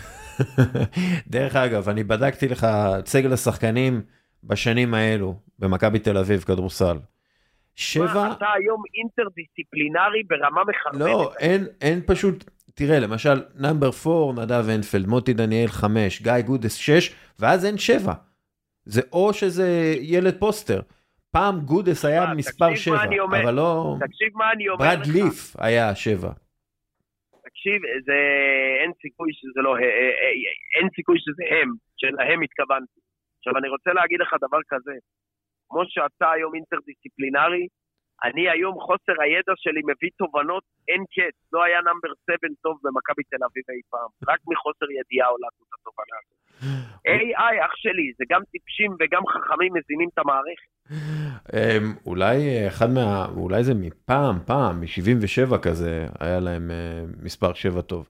וואי, בוא'נה, אני, אתה יודע, אני... זה עכשיו מעניין אותי, אני אוהב מספרים. אה, מוטי ארואסטי, נו באמת, מוטי ארואסטי היה מספר 7. אמרתי מוטי ארואסטי, אני נכון, רוצה נכון. לחזור, לחזור אחורה, צחקתי, כי חשבתי שמוטי ארואסטי היה בהפועל תל אביב, אז עשיתי דחקה, אתה רואה איך הטמטום מזין את ה-AI? כן. יאללה, דסקל, שחרר אותי, אח שלי, מישהו צריך לממן את החגיגה הזאת שנקראת נתון אחד ביום. בכל יום נתון. יאללה, ביי. את זה לא נשים בטיקטוק שלי. ביי. אוקיי, עד כאן פרק אה, בכל יום נתון 510, תודה רבה לבוקסה ותודה רבה למתן סגל ותודה רבה לעידו מינקובסקי ותודה רבה למינקובסקי תקשורת ותודה רבה לקרן החדשה לישראל ותודה רבה לקבוצת ח' י' ותודה רבה לך, מאזין יקר שנשאר עד הסוף, יאללה ביי.